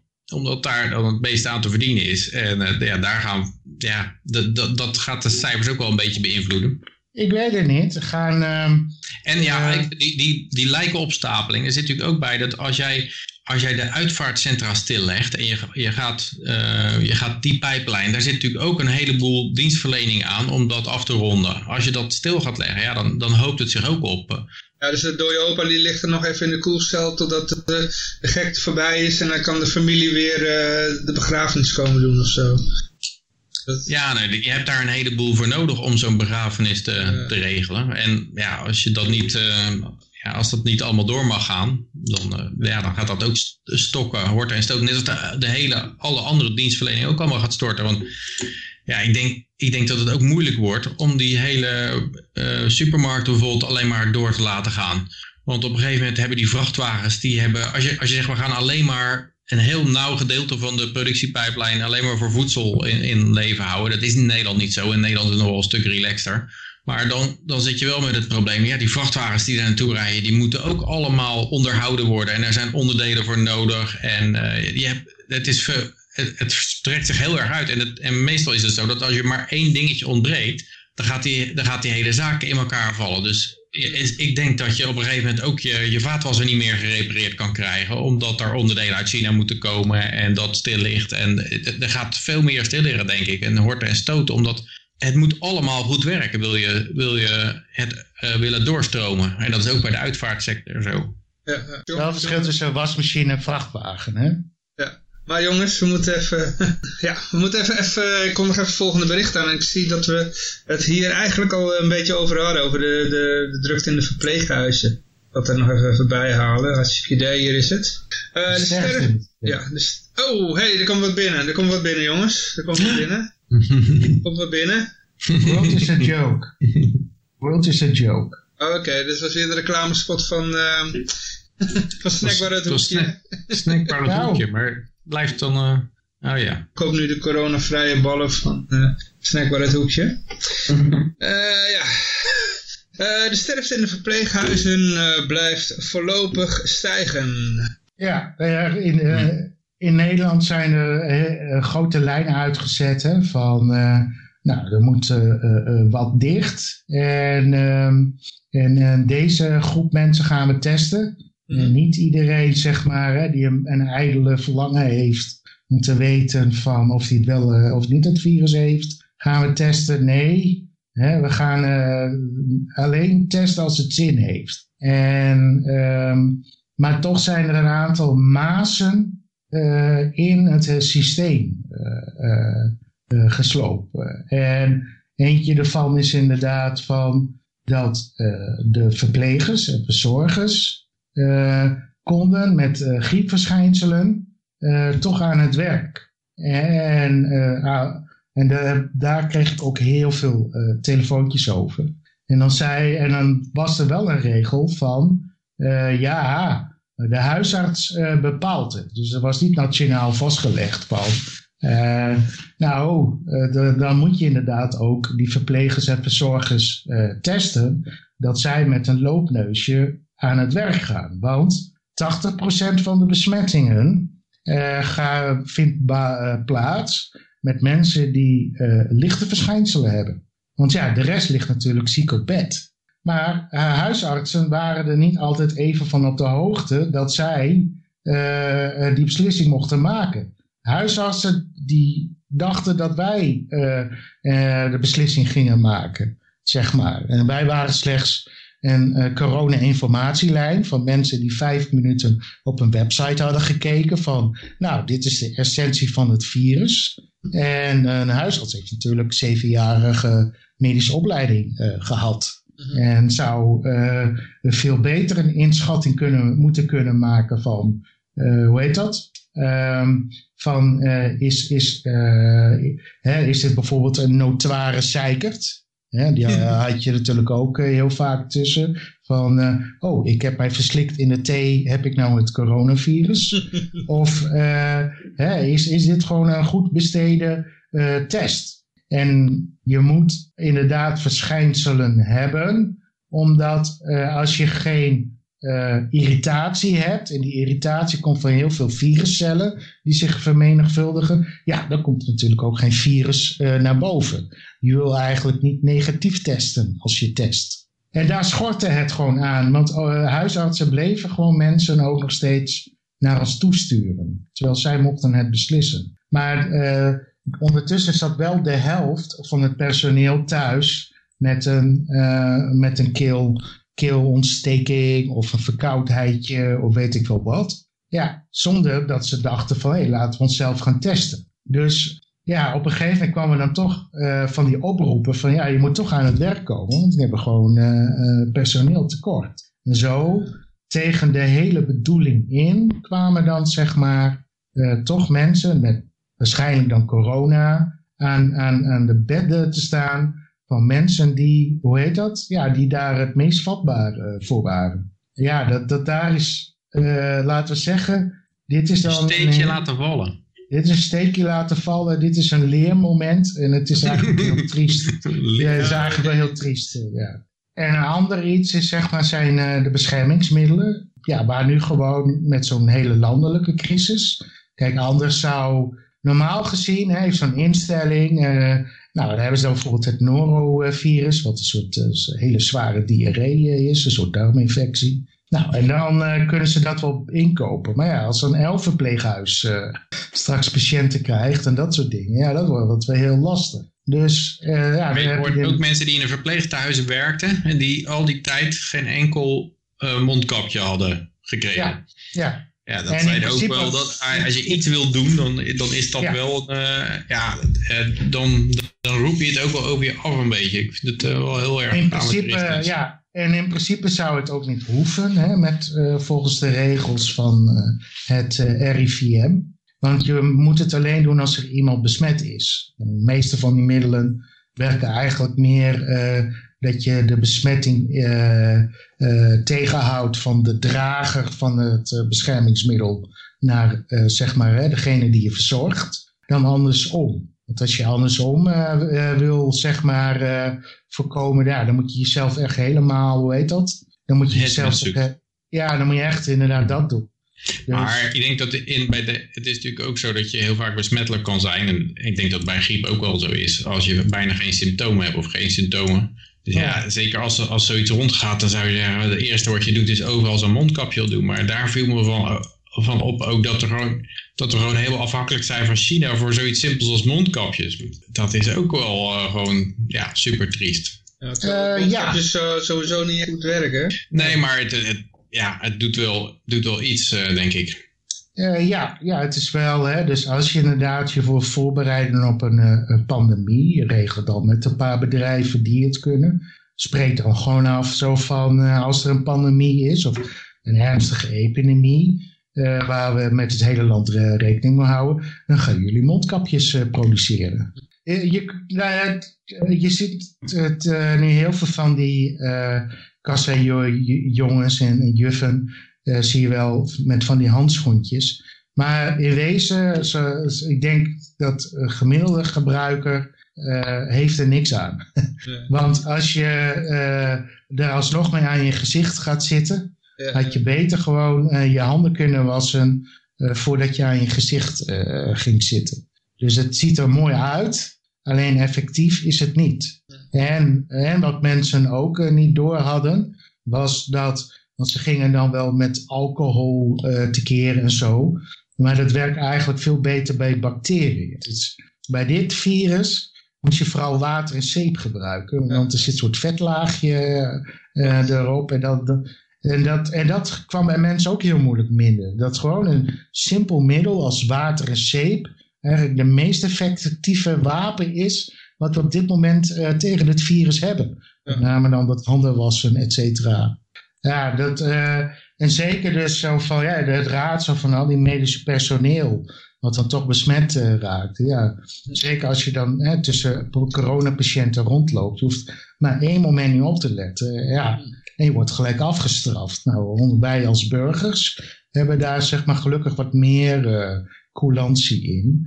Maar ik zou inderdaad toch wel gewoon, ik raad gewoon elke keer aan voordat je je gezicht aanraakt, eh, was dan vooral je handen. eh, ja. Kan je ze ook aflikken? Is dat ook... eh, Ja, soms, soms wil iemand ook het coronavirus oplopen. Ja, dan moet je net even je adviezen De veranderen. ja. ja. Wie, wie dat bedacht heeft. Je kan het maar beter weer gehad hebben, denk ik. Eh, nee, nee, het is zeker niet aan te raden, eh, zoals bij zo'n mazelenparty, om het eh, aan te gaan. Want eh, daarvoor is het verloop van het coronavirus nog behoorlijk onvoorspelbaar. Het is echt, er is soms echt geen pijl op te trekken bij wie het, eh, wie er zeg maar gewoon eh, nou, fluitend rond mee kan lopen. En wie er echt, echt zeg maar plat mee komt te liggen. Maar ik hoorde echt, laatst dat in New York was het dat 20% had antibodies tegen corona. Ja, dan, dan denk ik dat het onvermijdelijk is dat iedereen ermee te maken krijgt. Ja, ja, ja, ja. Ga je niet meer tegenhouden. Ja, dat is ook, eh, dat is ook het super eh, besmettelijke eraan. Maar dan heb je een fatalistische instelling. Hè? zeg je van laat maar Ik kan het vallen. liever volgende week hebben dan deze week. Ja, dan zeg je laat maar vallen. Het komt er toch wel van. Want ook als je het hebt over eh, productie, dat soort dingen. Dan is het handiger als het, als een beetje één voor één besmet. Dan dat de hele afdeling ineens heel, helemaal ziek is. Maar dan gaan we nog even naar Italië toe. Eh, zoals we weten heeft, eh, is Italië is vaak getroffen geweest. En eh, ja, hoe gaat het er nu mee? Nee, ik vond het wel, wel interessant. Ten eerste zeiden ze van nou, eh, de gemiddelde leeftijd is heel hoog daar. In Italië is 23% van de bevolking ouder dan 65 jaar. Bij ons is 20% in de VS 16%. Dus een hele oude bevolking. Ze hebben al heel lang geen kinderen eh, gemaakt daar. De gemiddelde leeftijd van overlijden aan corona is 80 jaar. Is een gemiddelde leeftijd, hè, 80 jaar. Bijna alle slachtoffers hadden gemiddeld één comorbiditeit. Dat was niet zelden chronisch longlijden, gevolg van een grote rooktraditie van de Italianen. Maar dan gaan ze daarna verder als eerste puntje in de demografie. Het tweede puntje is dat was een groot voetbalwedstrijd was er geweest. Vraag me wel, of gingen die 80-jarigen daar dan ook allemaal naartoe? Of Ja, zou dat allemaal precies, in- dat, in- indirect... Die eh, kleinkinderen allemaal. ja, die kleinkinderen die komen allemaal langs zetten. Ja, dus dat, dat was een puntje. Hebben ze het over. Maar dan, dan eh, is één dingetje waar ik een beetje door getriggerd raakte. En dat was geloof ik eh, dat er gedecentraliseerd of zo. Daar hadden ze dan gede... Ik zal het even opzoeken of ik het kan vinden. Gedecentraliseerd. Ja, Italië is een gedecentraliseerd land. En, snel, eh, dat is het land van alle wegen leiden naar Rome. Hè? Dat is eh, dat, dat land, zeg maar. Eh, Dat is heel erg gedecentraliseerd.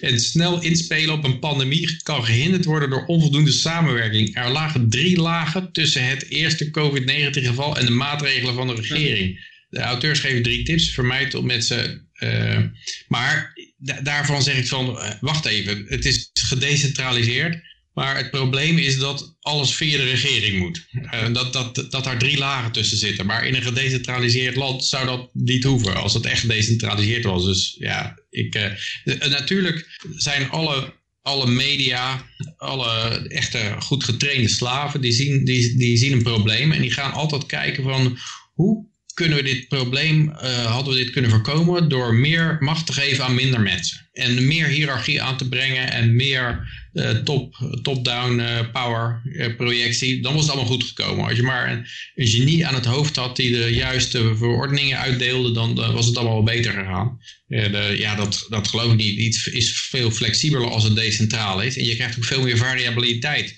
Als het helemaal centraal geregeld wordt, dan, dan doet iedereen hetzelfde. En als het een fout doen, dan doen ze ook allemaal hetzelfde. En nou, eh, bijvoorbeeld, ik vind het leuk dat in Zweden dat er dan nog weer iets anders gedaan wordt, waardoor je een beetje vergelijkingsmateriaal hebt in ieder geval.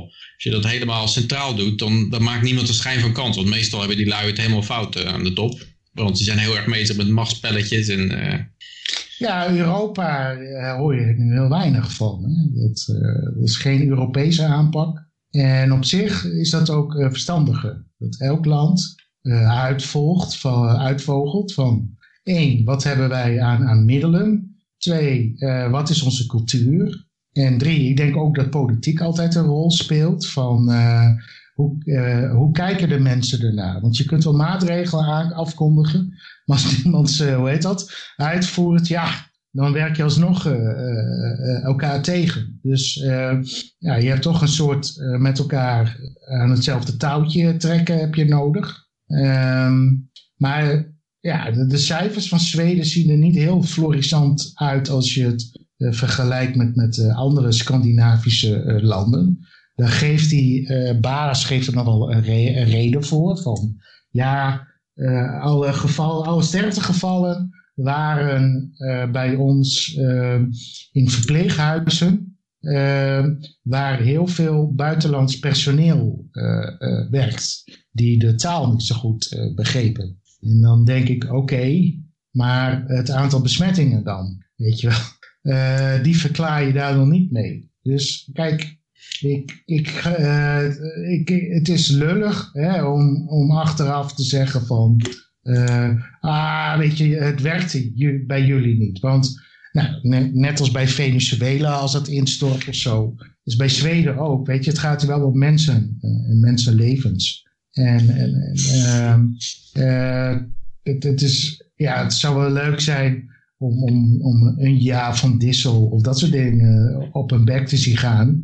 Maar het, het zijn wel mensen die eh, eraan lijden natuurlijk. Maar Nee, Maar ja, dat staat los van elkaar, toch? Dat er mensen overlijden en lijden, dat, dat is overal het geval. Maar ja, dat is Dat overal je- het geval. Maar met een eh, eh, pandemie weet je in ieder geval waar je eh, rekening mee moet houden. Als je de pandemie serieus neemt, zeg maar.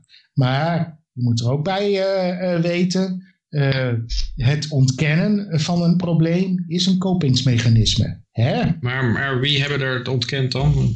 Ik, ik noem geen namen. Oké, Ik zeg niet. ik snap bezig. er helemaal niks van. Ik ben Maar bezig. ik lees wel dat nou Sweden chief, eh, Wat, wat? Sweden's, Sweden's chief epi- epidemiologist has said herd immunity could be reached in Stockholm within weeks. Dus eh, ja, ze zitten op de downslope en ze, ze, ja, als ze binnen weken herd immunity hebben, ja, dan, denk ik dat, dat ze het knap gedaan hebben. En, Ja, en ben, ik, zeker. ben ik blij dat, dat, ze, dat het mogelijk was. En dat ze zich daaraan ontrokken hebben, aan die enorme dwang om, om helemaal eh, ja, alles als een, als een bezetene te, te lockdownen. En ik denk dat Nederland nog niet eens... Ja, Nederland is natuurlijk ook wel eh, be- behoorlijk. Maar het is nog niet eens zo erg als, als wat ik van Spanje en, en eh, België begrijp. En de Servië eigenlijk ook, eh, wat ik voor Yoshi begrijp. Nog veel, dat is het nog veel hardere maatregelen zijn. Eh, ik, ja. zi- ik, ik zit hier op het moment, mag ik niet naar buiten, daar begint het mee. In het weekend eh, tot 80 uur dat je in, in je huis moet zitten of dat je eigenlijk niet eh, op straat gewenst bent. En dat komt dan, in Servië doen ze heel het weekend eh, in lockdown, want dan, dan doen ze in het weekend mogen buiten. Want die zitten vanaf het begin dat dit een hype is, zitten die in lockdown met alle 65-plussers zitten eigenlijk permanent in lockdown in Servië. Ja, Nou, dus, en- ja, wa- wat ik eh, als Spanje begreep, je mag niet in je eigen tuin mag zitten en helemaal niet buiten komen. Dat is qua vitamine D ook heel erg belabberd. hè. En wat ik nou van YouTube hoorde, is dat de CEO van YouTube die zegt dat ah, die gaan alle corona-video's verwijderen die bijvoorbeeld zeggen dat vitamine C en vitamine D goed zijn. Terwijl Dat, dat is gewoon, eh, ja, alles wat niet Ja. van de World Health Organization komt, dat wordt, wordt verwijderd. Ja, ik vind dat gewoon heel dom. Dat is echt, eh, ik bedoel, dat, dat valt dan onder de samenzweringstheorieën waarschijnlijk. Van, eh, oh, dat zijn de samenzweringsgekkies weer die denken dat vitamine C Nee, nee, dat is je, geen... eh, je, je, eh, immuunsysteem eh, eh, versterken. Ja, precies. het is, eh, het is bekend hè, dat eh, eh, meer eh, vitamine C eh, nemen dan je nodig is, is, is gewoon nergens goed voor. Dus eh, nou, ja, als nee, je, dat, dat, zal, eh, dat zal ze bedoeld hebben, ja. ja, nee, eh, je kunt wel zeggen van eh, eh, haal gewoon voldoende nachtrust en eh, eet gezond Ja, en leef gezond, beweeg. leef gezond, beweeg. Eh, dat, daar krijg je de weerstand van. Maar eh, dat slikken, zeg maar, eh, vitamine C, ja, dat is gewoon een slecht advies. Er worden, Nee, vitamine veel- C, slik, vitamine C nemen is prima advies. Ja, het is een supplement. En En je vitamine kan- D nee, ook. want dat helpt niet. Je kan het sowieso beter niet, uit, uit groente en fruit halen en, en, eh, en gewoon de zon. En het, als supplement vooral- kun je het wel gebruiken, maar dat, betekent wel dat je gewoon eh, je vitamine moet eten. Dus, eh, ja. Ja, en vooral goed de handen wassen.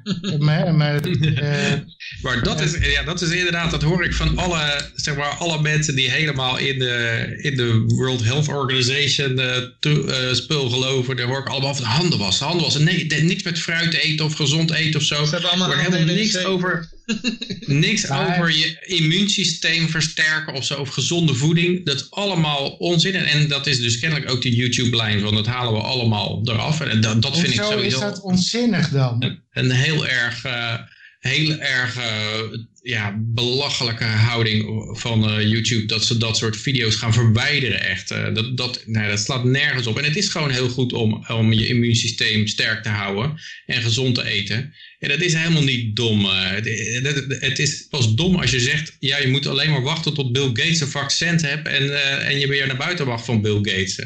Dat is echt heel dom. Oké, nou, maar je zit niet in de conspiratiewereld. Nee. Gelukkig maar. Eh, nee, dat handen wassen, eh, dat heeft ermee te maken eh, dat het komt niet vanzelf in je gezicht, het virus. En als je zeg maar iemand naast je hoest of niest, dan merk je dat wel op. Hè, dan hoor je wel ugge, ugge of hatsjoe.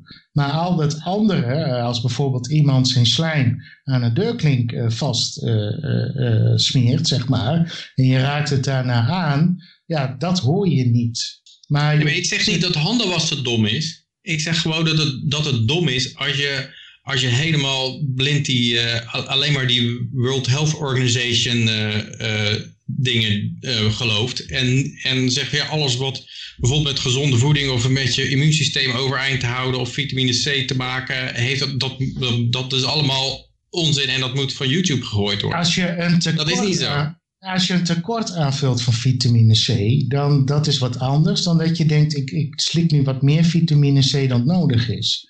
Want daar heb je ten eerste dus eh, eh, niks aan. Meer dan nodig is per definitie natuurlijk. Want de, in- dat zit al in het woord nodig. En dan meer dan nodig is dat altijd te veel, ja. En vaak weten mensen niet wat ze nodig hebben aan vitamine. Maar, Ja, ja, la- Eh, ja, jongens, ah, jongens, ah, jongens, ja, laten, we, laten we gewoon de algemene dagelijkse aanbevelen sinaasappel. hoeveelheid eh, nemen. Ja, Door het World Als je daar meer Organization van slikt- hoeveelheid. als je daar meer van slikt, ja, dat doet gewoon niks. De World Health daar- Organization die gaat trouwens al helemaal door de play heen nou hoor. Want dat Ja. is, eh, Ja, maar eh, nee, oké. nee, elke chirurg en elke, iedereen die handen wast, is eh klaarblijkelijk eh gebrainwashed door de eh World nou, Health eh, dit is een strawman, dat heb ik natuurlijk helemaal niet gezegd. Het is ten einde het om van Bill op. Gates mogelijk te maken. jongens, jongens, jongens. Het is jongens. gezegd. Mogen we verder hier Het het gezegd. maken? Ik, ik wil al heel lang eh, reageren op wat er in de chat wordt gezegd. Oké, Iemand in de chat vroeg wat, wat zijn onze beroepen? Of, of we werkeloosheid was. Of, sorry, of we werkeloos zijn, dat was het, ja. werkeloze. Ja, ja nou, volgens mij alleen Josje, wat wordt er eh, gevraagd over werkeloos zijn? of wij allemaal werkeloos zijn, dat is de vraag. Nee, nee. Ja, ik ben niet je werkloos. bent, ja, ik, ik heb eigenlijk werk. Je bent pas werkloos als je als zodanig hebt geregistreerd ook. Hè? Dus Ja. eh, dat, eh, En jij bent dus eigenlijk niet Als je op zoek bent naar een werkeloos. baan. Josje, jij bent gewoon ik ben al jaren niet werkloos. tot tien jaar vakantie aan het zeggen. Ah, ja. Ik, eh, ik ontwikkel eh, wifi chips voor mijn beroep. Dus het is, ja, ik heb eh, in Delft gestudeerd. Ik ben Master of Science Education. En eh, ik word regelmatig uitgemaakt voor conspiracy eh klooien. Kijk heel snel als je nadenkt. maar, maar ik lees wel eh, mijn hele leven al wetenschappelijke boeken. Eh, eh, Dus eh, ja. En dus, je eh, bent ook heel misschien apart. wel... eh, ja, dan hebben we nog Henk, hè? Want, eh, maar jij bent uh, Belmoed Ik, eh, ik, eh, ik had werk. Ja, ik had werk. eh, maar ik ben naar huis eh, gestuurd eh, toen ik nog meer wilde werken. Oh, Dus, oké, oh, eh, dat mocht niet. Ja, ja. Nee, dat mocht niet. Ja, ik, ik, ik, ik, ik heb werk, ik heb een werkgever, laat ik het zo zeggen, maar eh, er is niks te doen. De catering ligt stil. Ja. Goed, ja, nou ja, als er nog meer vragen Ja, zijn, mag hier gooi ze altijd- in de chat. Eh, we kunnen helaas niet meteen eh, reageren, want we hebben ook nog een hele berg berichten. Ja. Ja. Maar geloven we in eh chemtrails dan? Want Dat vraagt Oh ja, dat was ook een vraag. Ja, ik, ik, eh, chemtrails. ik zie Ja, ze en wat nou vinden niet we meer ervan? echt, van dus, eh, chemtrails? ik, ik zie weinig chemtrails eigenlijk, hè, de laatste tijd. Jullie wel? Ik hoop dat de chemtrails de 5G-signalen niet verstoren.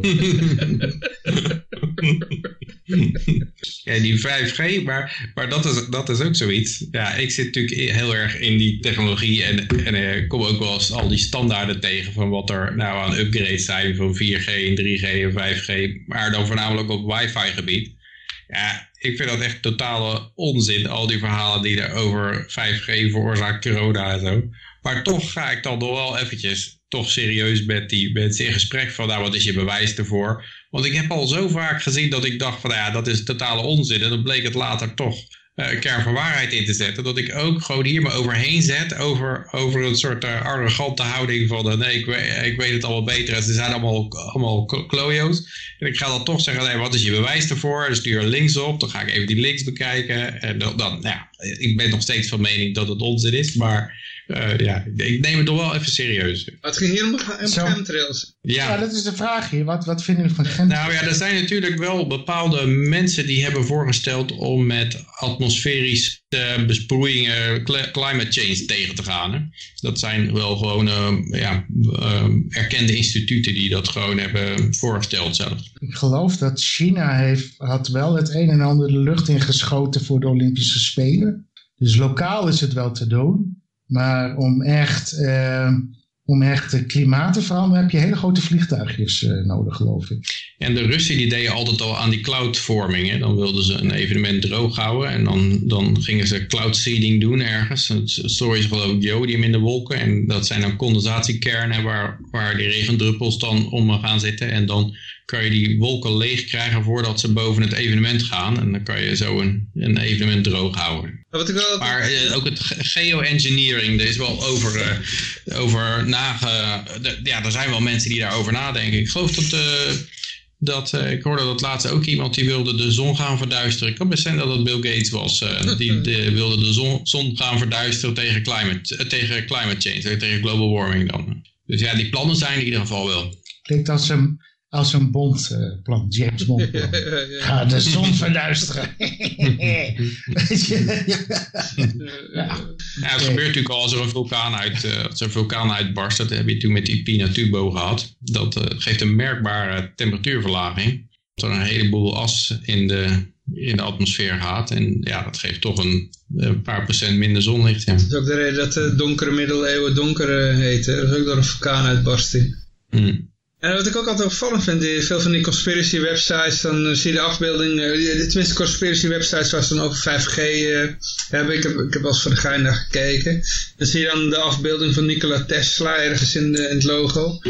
En eh, ja, ik weet, ik weet niet of je mensen weten, maar die, die had ook wel bepaalde plannen hè, om elektriciteit, of staatselektriciteit eh in de lucht te pompen, zodat je, dat je wireless Ja. eh, Ja. eh, daar stroom kon afstappen. Wireless power transfer zelfs. hè? ja. Ik bedoel, wat, wat geeft meer... eh, Ja, wat, ook, wat ook al apart is, dat de torens die nou in de fik gestoken worden. Kijk, sowieso het punt van 6G is, als je, of als je, eh, 5G, als je dat dan vraagt, dan zeggen de meeste mensen, ja, 60 gigahertz. Want dat, dat is eigenlijk het enige wat er dan eh, anders aan is. Dat staat in de standaard, dat de frequentie een stuk hoger is dan waar, waar nu op gewerkt wordt. Mhm. Maar alles wat er nu geëxperimenteerd wordt, dat is nog helemaal niet 60 gigahertz. Want er zijn nog helemaal geen chips available voor 60 gigahertz. Dus het, zit allemaal nog in de gebruikelijke banden allemaal. Dus de, de straling qua EM eh, is gewoon niet anders dan wat er met 3G of 4G gebeurt. En dan worden er nou torens in de fik gestoken. Dat zijn ook helemaal geen 5G-torens. Dus ja, ik moet toch zeggen dat, eh, hoezeer ik het ook eh, ja, een open oor heb, dat ik ja, toch moet zeggen dat dit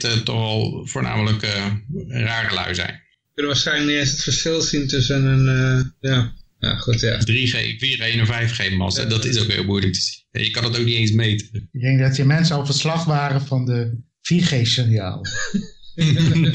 dat, nou, dat is een soort bootproces. hè. Maar goed, dan gaan we naar eh, de burgemeester van New York toe. eh, de Blasio, die heeft een klikline eh, gelanceerd. En eh, het zal dan waarschijnlijk eentje op, op internet zijn geweest waar je ook plaatjes kunt posten, hè? Want eh, Ja. Ja, het idee- het idee was dat je foto's kon posten van mensen die het samenscholingsverbod negeerden. oké. En wat kregen ze allemaal En, cadeau? eh, die- nou ja, er, het, eh, er werd hier al gezegd eh, dat, ehm, dat, eh, dat er allemaal penis pictures ge- geüpload worden. Wat is het ook weer? Flooded with Dickpics. penis foto's en Hitler memes. ik, ik heb wel inderdaad eh, even zitten kijken. Dus zag je een foto van de Blasio, maar dan hadden ze een snortje eronder getekend. Mhm. onder zijn neus. Maar ik had hier nog wel een andere gedachte bij. Want het is, dit is eh, ja, wat je heel vaak hebt bij dit soort nieuwe dingen. Zoals je gaat een biometrisch paspoort invoeren. Of ze gaan een OV-chipkaart invoeren waarmee iedereen getrekt kan worden. Is dat het begint altijd met een heleboel blunders. En de reactie die je daarop moet hebben, bij het paspoort was het het rode vod, was het toen, want dat was zo'n mislukking, want het kon nagemaakt worden en er werd lachterig over gedaan. Er werd ook breed uitgemeten op het NOS-journaal dat het rode vod nagemaakt kon worden.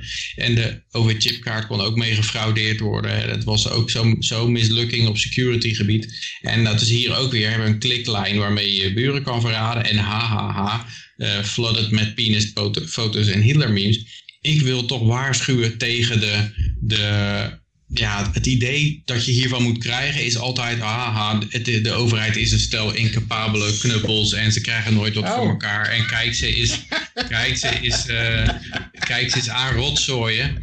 Maar Ja. als je een aantal jaar later kijkt, dan is het biometrisch paspoort er wel. Is het eh, waterdicht en is de OV-chipkaart ook helemaal doorgevoerd en kan je er ook niet onderuit. En dan werkt het, uiteindelijk werkt het allemaal wel. Maar ik heb het idee dat het, een, een, een, ja, dat het altijd een opzetje is. Want ik heb het al heel vaak gezien. Dan beginnen ze zo een regel en dan denk je van, oh mijn god. Een enorme 1984 totalitaire toestand. En dan begint het altijd met een, met een enorm geblunder van de overheid.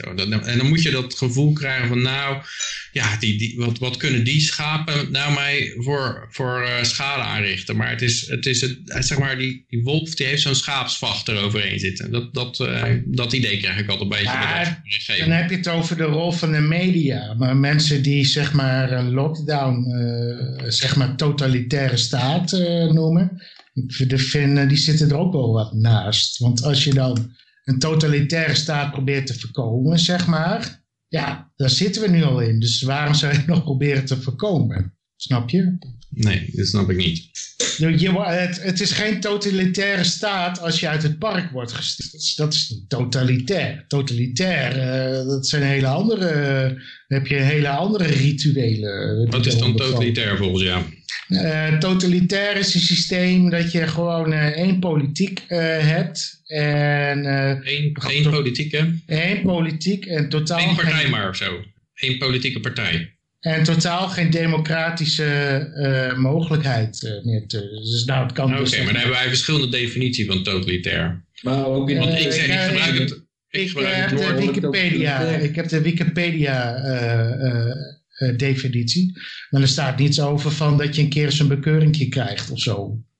Nee, maar een keer een bekeuringje zou ik ook niet totalitair willen noemen. Maar het woord totaal zit erin. En het woord totaal geeft aan dus dat de overheid ingrijpt in, elk, in het totale aspect van elk leven. Dat je gewoon, eh, alles wat je doet, moet je een toestemming of een vergunning voor hebben. En het maakt totaal niet uit of het democratisch is, of dat het door één partij, of dat die af en toe afwisselt met een andere partij. Het gaat om de, de, involvement van de overheid in je, in je leven. Zeg maar. Kan je een dakkapelletje zetten zonder toestemming? Kan je je huis uit zonder toestemming? Als, Nou, als je we geen, geen hè? sinaasappelkraampje kan beginnen zonder toestemming, dan, dan hebben ze totale invloed op de samenleving. Hun ja, hun invloed is totalitair, dus het allesomvattend eigenlijk, dat is het. We hebben nog geen sekscrime. Eh, jawel, die hebben we wel. Ja? Jawel. dan? jawel. Eh, openbaar eh, masturberen.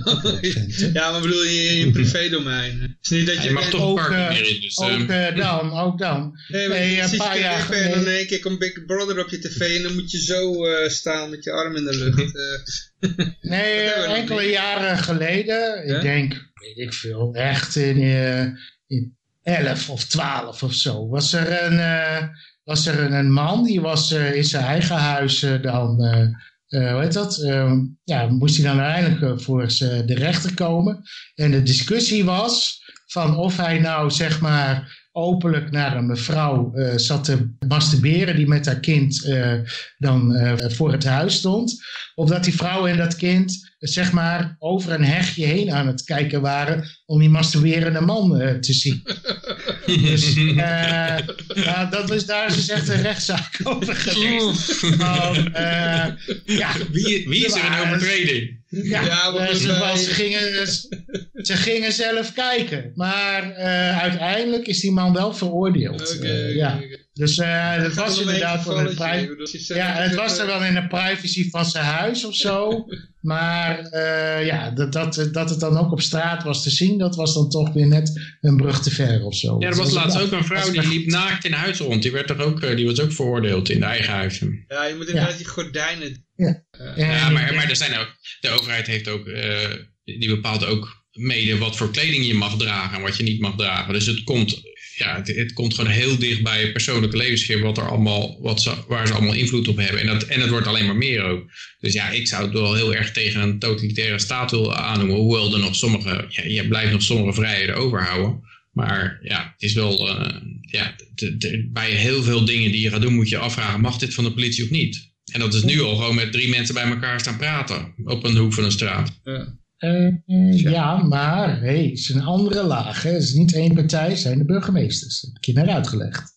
Ja, maar eh, dat maakt, dat maakt mij geen reet uit eh, of, dat, eh, of dat Pietje van de overheid is of Jantje van de overheid. Ja, dat weet jij. Dat het kan. Het, eh, burgemeesters kunnen anderen beslissen. En de reden waarom ze zo beslissen is dat ze het niet doen. Staan mensen met een hooivork eh, voor de huis van de burgemeester. Als er een corona-uitbraak is. Dat is zeg maar het idee hierachter. Want eh, het RIVM had eigenlijk eh, veel eh, lossere maatregelen gewild. En, maar toen kwamen eerst die burgemeesters van Brabant in het verzet. Die zeiden van ja, we nemen onze eigen verantwoordelijkheid. En eh, die, eh, die, die eh, kondigden toen allemaal maatregelen af. En toen kwamen zeg maar achteraan de rest van de burgemeesters en de schooldirecteuren en de, en de, en de verpleeg- en verzorginstanties. Die gewoon zeiden ja, wij weer ook gewoon kinderen of ouderen of weet ik veel wat rondlopen. Ja, wie krijgt het straks allemaal op het bordje als hier een uitbraak is? Daar, en daar eh, zijn al eh, die aanpassingen voor gedaan. Voor verpleeghuizen, voor scholen en voor eh, en met name dan de parken en dat soort dingen. Dat, dat wilde Rutte niet. Want volgens mij kun je nu nog steeds eh, Nederland binnenvliegen zonder in quarantaine te hoeven. Ik, eh, ik, ik ben al twee weken uit het werk en de wereld kan al anders zijn. Maar dat was heel lang in Nederland als enige land het geval. Dat je gewoon uit het buitenland kon komen en dan kreeg je geen quarantaine. Maar dat is eigenlijk gewoon logisch. Want eh, in wezen zouden wij Europa zijn en allemaal een provincie van elkaar. En, eh, en tussen neus en lippen door is nu wel even het Schengen-verdrag eh, opgezet. Ja, ja. Ik heb trouwens even het eh, Wikipedia-definitie van totalitarianism erbij gepakt. En er staat Ja. hier: restricts individual opposition to the state and its claims and exercises an extremely high degree of control over public and private life. Ja, maar eh, jouw eh, oppositie tegen de staat kun je nu prima zonder eh, maatregel eh, uiten, toch?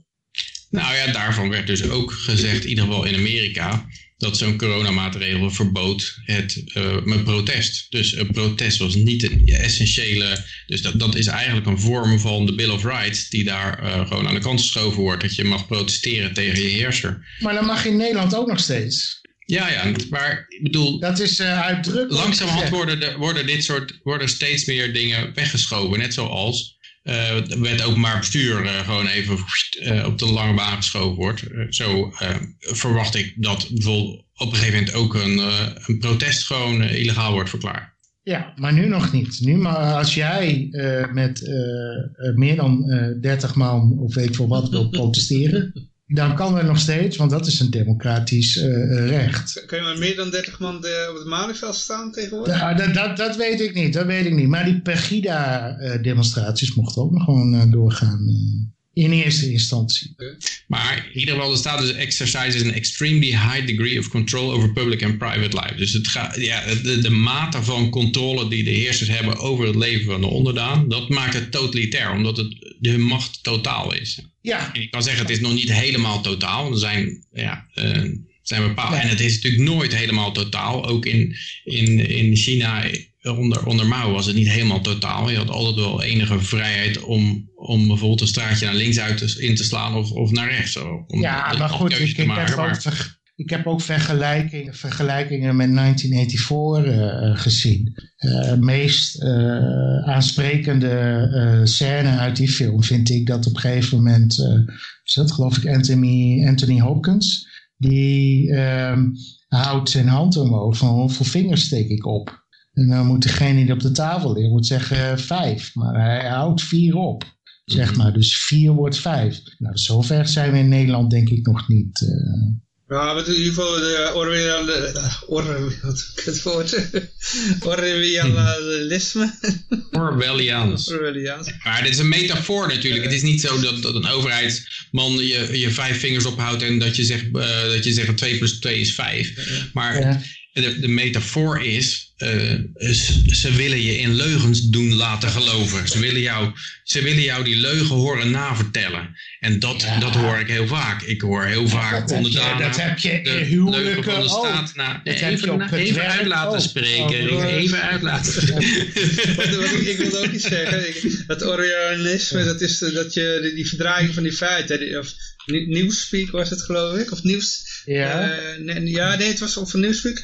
eh Double Talk, Double Talk was het. Ja, Dus double think. Of dubbel, ja, double think en double talk. En dat was dat die... eh, die Dat je twee tegenstrijdige dingen in je hoofd had. ja, inderdaad, van, die, eh, van hoeveel vingers steek ik op, dan steek je vier op en dan moet je vijf zeggen. En op die manier proberen ze dan de geest eh, van de onderdaan, zeg maar, onder controle te houden. Door de hele tijd die, die feiten te verdraaien en iedereen heeft door van, hé, dat klopt allemaal niet. Maar ja... Ja, maar kijk eens naar de belangrijkste leuze mee, van de- Weet je wel? En dat gebeurt feitelijk wel, dus... eh, de belang- belangrijkste leuzen van de partij in, in 1984 zijn freedom, uh, war, is, uh, war is peace, freedom is slavery and ignorance is strength. En, en dat moet je gewoon zeggen, al onze oorlogen die zijn voor vrede, want ze gaan allemaal, het zijn allemaal vredesmissies. Dan, dan heb je ignorance is strength, daar wordt eigenlijk ook wet openbaar bestuur opgeschort. Je moet gewoon niet vragen wat zij uitvreten daar, want je bent onwetend, ben je beter af. En wat heb je nog meer? Freedom is slavery. Dat is natuurlijk ook van, ja, je, je kunt alleen je vrijheid handhaven onder onze, onze controle. Dat is Dus ja, precies ik wat denk al dat- de laatste 20 jaar al gaande is, weet je wel. Er wordt de Ja, vrijheid en democratie wordt er in het Midden-Oosten gebombardeerd, weet je wel. En, en de mensen die daar voor hun eigen, eigenlijk zo het, het zat zijn, eigenlijk gewoon vrijheidsstrijders zijn, die willen die Amerikanen gewoon weg hebben uit de straat. Die, die, die worden terroristen genoemd, terwijl het eigenlijk vrijheidsstrijders zijn. Het wordt de hele tijd omgedraaid. Ehm, als je hier in, in, Nederland ehm, op 5 mei dan naar zo'n festival gaat, ik weet niet of je er wel eens geweest bent op Bevrijdingspop, dat is lijkt wel een concentratiekamp, weet je wel. Zo'n hek omheen en allemaal mensen in uniform die je helemaal gaan fouilleren en eh, in je tas gaan kijken en alles. Ik bedoel, en dat wordt dan, het wordt dan bevrijdingspop genoemd, weet je wel.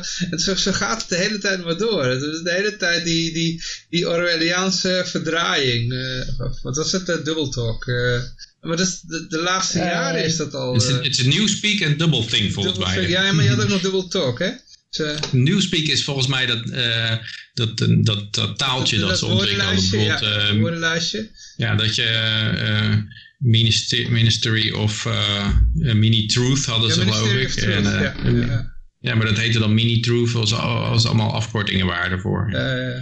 Ja. Maar ik denk dat, ja, dat over de loop van de tijd is het gewoon steeds verder ingevoerd. Nou, nou willen ze met zo'n corona-app komen. Dan moet je een app bij je hebben waarmee je helemaal te traceren bent en met wie je contact hebt gehad en zo. Ja, ik vind het niet vreemd dat mensen dat met 1984 gaan vergelijken. En wie dat weglacht en weghoont en van nou, nou, wat een raar conspiracy nuts. Die denken wel heel erg vreemd eh, over de situatie. Nou ja, ik denk dat die gewoon mensen gewoon een beetje een blinddoekje voor hebben. Eh, een beetje te veel in het systeem zitten. Een beetje te, ja, erin meegezogen worden. Wie wordt de grote leider dan? Die nieuwe lijsttrekker van de ChristenUnie of eh, wie? Nou ja, kijk, wat je, wat je Nou, tot nu toe nog niet gehad hebt, is van zo'n hele grote poster van je leider eh, op hebben hangen. Maar eh, dat is, Ja, ik heb dat is in Jaap van Amerika. Dissel, hè? Ik heb Jaap van Dissel op mijn slaapkamer. Wie is dat? Dat is eh, die van het RIVM. Oké, oké. Nou, de Dat vraag is- is of, of een, of een eh, persoonsverheerlijking, of dat er ook nog, of dat er nou per se bij hoort. Want in, in 1984 had je, had je Big Brother, maar dat was niet een echte een persoon die voor je, ja, die, die bestond of zo. Eh. Die, er was, eh, ja, er was niet, niet duidelijk of die nou nog leefde of dood was of zo. Dat was ook maar een, een, een vage gezagshamer. Die, die Ja, Goldstein, ja, Goldstein wist... Het, het, kan ook een, het kan ook een partijsymbool zijn. Je moet wel ergens in een totalitaire staat, je moet er wel ergens, hoe heet dat, allegiance aan, aan eh, pledgen. Eh, ja. Ja, ja. Nou, dat, dat heb je ook natuurlijk in de Verenigde Staten. In ieder geval dat alle scholieren allemaal pledge allegiance to the, to the state eh, elke morgen. En ja, dat is hier ook wat minder erg. Ik denk dat, dat de VS wat, wat verder is daarin. Maar ja. Ik denk eh, dat in Nederland, wanneer zijn er de verkiezingen? En ook volgens mij dit jaar, hè? Ja, Dus ik denk dat eh, de- degenen die profiteren van dit hele gebeuren zijn denk ik Mark Rutte en Thierry Baudet die daarvan gaan winnen. Nee, want Thierry die schijnt zijn eigen glaas nu aan het ingooien eh, te zijn. Houden we tegen die Nee, tijd hij- maar zien. Ja, maar- Ik bedoel, je bent met, met verkiezingen zo van... Ik, bedoel, ik, ik weet nog goed dat eh, Rita Verdonk 150 zetels had. en als, Ja. toen de verkiezingen waren, had ze er nul. Dus, eh, nee, eh, Baudet had de vinger niet heel goed op de pols eh, van eh, de bevolking eh, ten tijde van de co- coronacrisis. eh, Dus dat heeft behoorlijk wat punten gekost. Maar de Ja. vraag is of dat bij de verkiezingen nog, eh, nog speelt. Maar de, de, de mensen veranderen heel snel. Want nu zie je overal, dat is ook zoiets, dat de leiders nu allemaal heel erg vooruit gaan. Zo, de vorige week had het bericht verhandeld van eh, eh, Mark Rutte is de hoeder der natie in de coronatijd. Dat, dat, Ja. soort, dat soort dingen doen mij ook heel, komen mij ook wel heel Orwelliaans over. nou, eh, ja, ik weet niet of eh, willekeur eh, een betere eh, middel is tegen een pandemie. Hè, of dat je toch iets van een organisatie kunt doen. Maar ik vind het op zich Weet je, dat, dat, je moet het wel een beetje als een nieuwsbericht zien en de krant moet vol en weet ik wel wat. Ik vind zelf dat Mark Rutte de meest geschikte persoon is op dit moment. Ja, kan het ik best vond hem- ja, vond, nodig. ja, maar dat heb je, Professionele dat heb je ook nodig in een crisis. Dat heb je ook nodig in een crisis. Eh, je, de- je moet... eh, Ignorance is strength. Precies. eh, nou, je, Kunnen we even je moet niet- doen? eh? je moet niet alles eh, voorliggen natuurlijk. Eh, maar, Het volk kan eh, de waarheid niet aan. maar sommige vragen zijn ook gewoon ontzettend dom. Dus ik hoorde ook wel een leuk filmpje van Baudet. Die vraagt dan gewoon een ontzettend domme vraag aan Rutte. Het is al een oud filmpje, maar... Jij vindt Er het zijn geen een domme vragen, er zijn alleen domme antwoorden. Er zijn ook domme mensen. Maar, nee, er, zijn, maar er is echt ook gewoon van... ehm, ja, weet je, sommige dingen ja, die zouden gewoon eh, voor de hand moeten liggen. En sommige mensen moeten daar alsnog een vraag over stellen. Ja. En ehm, ja, er is inderdaad een bepaalde mores in eh, Den Haag waar je aan door, eh, on- onderdoor kunt gaan. Ik denk ook dat Fortuyn eh, bijvoorbeeld het niet zo makkelijk zou hebben gehad in, in Den Haag, politiek gezien.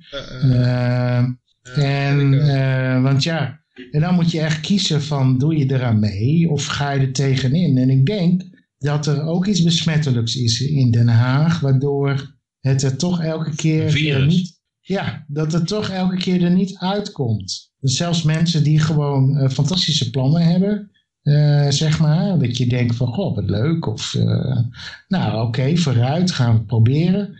Eh, dat die dat dan toch een beetje, ja, een beetje bitter er, eh, of versleten eh, er vandaan komen, zeg maar. Ehm, Ik heb nog dat- nooit iemand gehoord die leuke plannen had met mijn geld. Maar Nee, inderdaad. Nou ja, je- ge- ge- geef het terug aan de, de mensen. Maar eh, we moeten wel even verder... dat, zou, dat zou een leuk plan. Ja, we moeten even verder met de berichten. Eh, Trump heeft eh, alle eh, reden voor sancties wegens wangedrag WHO. Nou ja, dat kwam laatst al bij die, eh, die eh, Lubach eh, naar voren. En ik vond het wel apart dat het bij de publieke omroep toch weer mogelijk was. Maar die, die haalde inderdaad een, eh, die somde een aantal dingen van het World, eh maakte een timelineetje van de World Health Organization. Eh, daar werd je inderdaad niet vrolijk van. Dat was allemaal, ja, een beetje kouttouwing ten opzichte van China.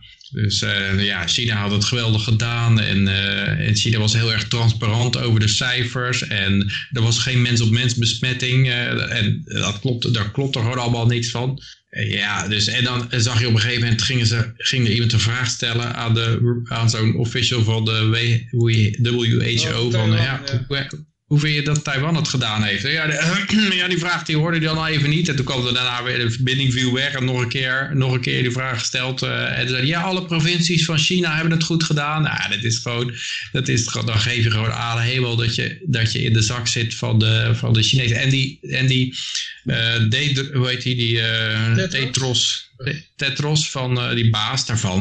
Als je kijkt waar, wat die voor verleden heeft, dat is natuurlijk ook een hele foute vent, eh, een foute communist uit eh, Ethiopië geloof ik, ja, waar die ja, een burgeroorlog en ook een hele pandemie heeft eh, eh, door de vingers gezien.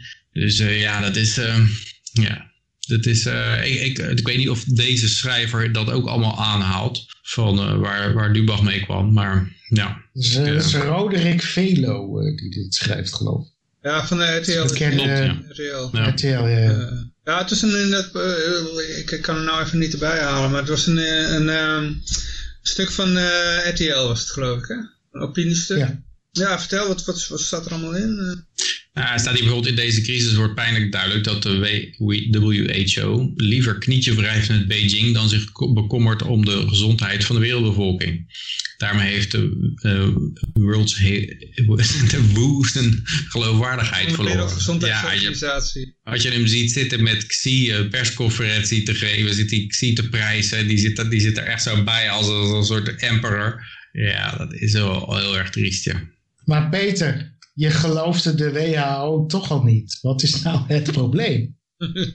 ja, Eh, dat nou, dan gaat dit denk ik, of niet? Ja. Ja, dit, dit, dit artikel heb ik ook geen problemen mee, geloof ik. Tenminste, ik heb het Oké. niet helemaal gelezen, maar eh, Ja, want ehm, eh, is er misschien ook kritiek te hebben op van, nou, Hè, dat je ergens een, een instantie hebt of een instituut die voor de hele wereld, zeg maar, uh, nou, iets, iets tegen pandemiebestrijding uh, uh, verzint. Want ja, dat tegen pandemiebestrijding, ja, dat zou ik ja. sowieso doen. Uh, of tegen pandemie. Voor pandemiebestrijding, tegen pandemie nee, zijn, maar tegen pandemiebestrijding, nee. dat zou ik echt, daar zou ik geen instituut voor willen voor. ik, ik niet te veel discussies op internet, dat ik ook een beetje versleten raak. Maar, ik hou je even wakker. Zijn, er zijn, ja, heel goed. Nee, maar er zijn ook, hoe heet dat? Gewoon mensen die zeggen, oh, het is de Wereldgezondheidsorganisatie, dan is het al niet goed, uh, zeg maar. Of, uh, nou, het valt natuurlijk in een plaatje wat je ook gezien hebt dat Saudi-Arabië hoofdwoord van de wereldvrouwen, de UN, uh, Women's Rights, toestand of human rights. ja, ja, er zijn zo'n een heel lijstje. Laatst kwam er weer zo'n land voorbij die dan hoofd werd gemaakt van een UN-commission. En het is gewoon ja, dat is gewoon te triest voor woorden. Inderdaad, mensenrechten of, of uh, ja, vrouwenrechten. En ja, dan, dan maak je je als organisatie niet geloofwaardig als je allemaal dat soort, dat soort lui uh, ja, naar voren schuift. Nou, het bijzondere was dat ik, ik las dan ergens van ja, uh, Nederland durft niks meer en loopt in de pas van de Wereldgezondheidsorganisatie. En dat is in de praktijk ook helemaal niet zo. Want het is best wel vanuit de Wereldgezondheidsorganisatie kritiek geleverd op uh, de, de wat, wat losse, losse houding van Nederland uh, op, uh, op de coronavirus. Ja. ja, dus, ja ik, ik heb begrepen dat die man die namens de Wereldgezondheidsorganisatie al die dingen naar buiten brengt, bij ook weer gewoon bij het Bill Gates clubje hoort, die dus gewoon zegt wat Bill Gates gezegd wil hebben. En, en, en ja, of dat dan goed of slecht is, ik denk wel dat die uh, man, als Bill Gates bedoel ik daarmee, als die het beleid van de Wereldgezondheidsorganisatie kan be betalen, om het maar zo te zeggen, kan kopen, ja, wat heb je daar dan aan als die mensen een advies uitbrengen? Want dat is een gekocht advies. Dus ja, dat... en, en wat, en wat van, van de adviezen, zeg maar, uh, uh, die nu voor de corona gelden, zijn dan volgens jou uh, gekocht? Nou, World Health Organization heeft heel erg het, het enorme totalitaire karakter van de Chinese, de, de reactie daarop geprezen. En de, helder, de helderheid van de, van de cijfers, dat is sowieso al lachertje. Maar de reactie van China was gewoon hele steden afsluiten. Mensen in hun appartementen lassen gewoon. Die, die, met, die via het balkon naar buiten probeerden te, te klimmen. Er zijn echt dingen gebeurd dat, uh, ja, als je dat gaat prijzen. Ja, dan, uh, en, en natuurlijk alle, alle track-and-trace toestanden. Maar, uh, er zijn bij, jongens, mag ik even wat er, zeggen? Er zijn, bij, er zijn bij pandemie toch altijd lockdowns geweest? Of mochten mensen gewoon maar rond blijven lopen. Gingen, gingen toch altijd wel steden en regio's uh, Ja, ja, maar wat, mag ik wat zeggen? Eerst hebben ze dus de hele tijd ontkend. En toen was het een flink verspreid, toen werd Wuhan afgesloten. Maar de mensen die in, mm. uh, die, die, zeg maar buitenlanders in Wuhan, die mochten dan wel in één keer zonder enig probleem huppa, uh, naar Italië gaan of zo. Om daar even lekker in Noord-Italië even een borrel te drinken met iemand, waardoor in één keer daar Italië besmet werd. Of uh, in andere landen, weet je, het, was, het is heel dubbel, dubbelstrijdig, zeg maar. Ja, dat merk ik al. Dat dubbelstrijdig. Dat, ja, dat, dan merken dat die tegenstrijdigheid een, een spanning oproept. Uh. Ja, ja. Ja, kijk, kijk, het doet, een beetje, het doet mij een beetje denken aan organisaties zoals de FIFA en de Olympisch Comité en zo. Het zijn van die organisaties waar een of andere Ethiopiër opeens uh, hoofd van wordt en die heeft zijn hele zakken gevuld met geld en er zit ergens iemand, uh, een andere een regering aan de touwtjes te trekken. En dan moet dan de hele wereld zich opeens een soort Chinees beleid gaan voeren. En ja, dat, uh, ja, ik, ik, ik vind dat sowieso nooit een goed idee, zo'n hele universele uh, wereldpolitiek. Ik vind het leuk als je een landje Zweden hebt die zeggen fuck it, we gaan het anders doen. En um, ja. Ja, maar als je het hebt over reële angsten, dan is de angst voor een one world government is niet reëel, denk ik nu. Omdat elk land die uh, voert zijn eigen maatregel in. Nou, oh, ik denk dat de One World Government heel duidelijk eraan zit te komen. Dat, ja, uh, dat, dat uh, als je dat niet ziet, dat, uh, ja, dit is dat alleen maar de paas heel erg. Ik, ik laat me lekker verrassen. Ja, het is inderdaad allemaal onzeker of het echt gaat zijn, maar... Ik bedoel, de hele EU, de EU is toch wel een stap van uh, de nationale overheden hebben ma staan macht af aan de EU. En dan heb je de EU en de, en de VS en die staan weer allemaal weer macht af naar hoger. Dus het is steeds, wordt er macht aan de uh, gedecentraliseerde macht opgegeven. En dat wordt afgestaan naar een, naar een hogere. Dus er zijn steeds. De oplossing voor elk probleem is altijd meer macht in de handen van minder mensen. Dus een echte goede getrainde slaaf die naar de overheidsschool geweest is, die kijkt naar een probleem en die zegt: Oh mijn god, we hebben een probleem. Wat moeten we hier aan doen? Er moet een centrale organisatie komen. Er moet meer macht in de handen van minder mensen zijn. Dus de, de, de macht, de decentrale macht moet worden uitgeschakeld. En dat was ook wat er bij Event 201 werd besproken.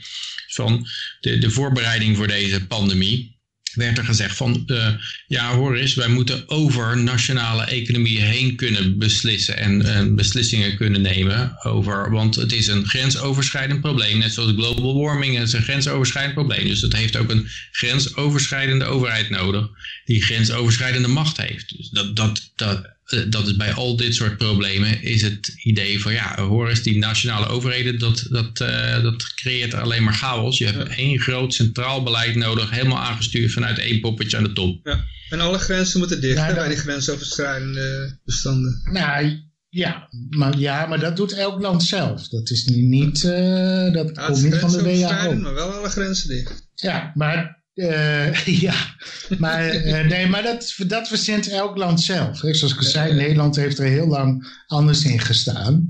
Dus als zij, het kan hoor, het kan nog steeds dat ze een uh, One World Government in gaan voeren. Maar dan, dan, dan, dan hebben ze het niet dat vanaf de eerste moment de kans aangegrepen in ieder geval. Nee, maar het is natuurlijk een, een, langzaam proces. Dat is, kijk, net zoals wat er gebeurde in Duitsland. Daar had je, Duits, Duitsland waren allemaal deelstaten.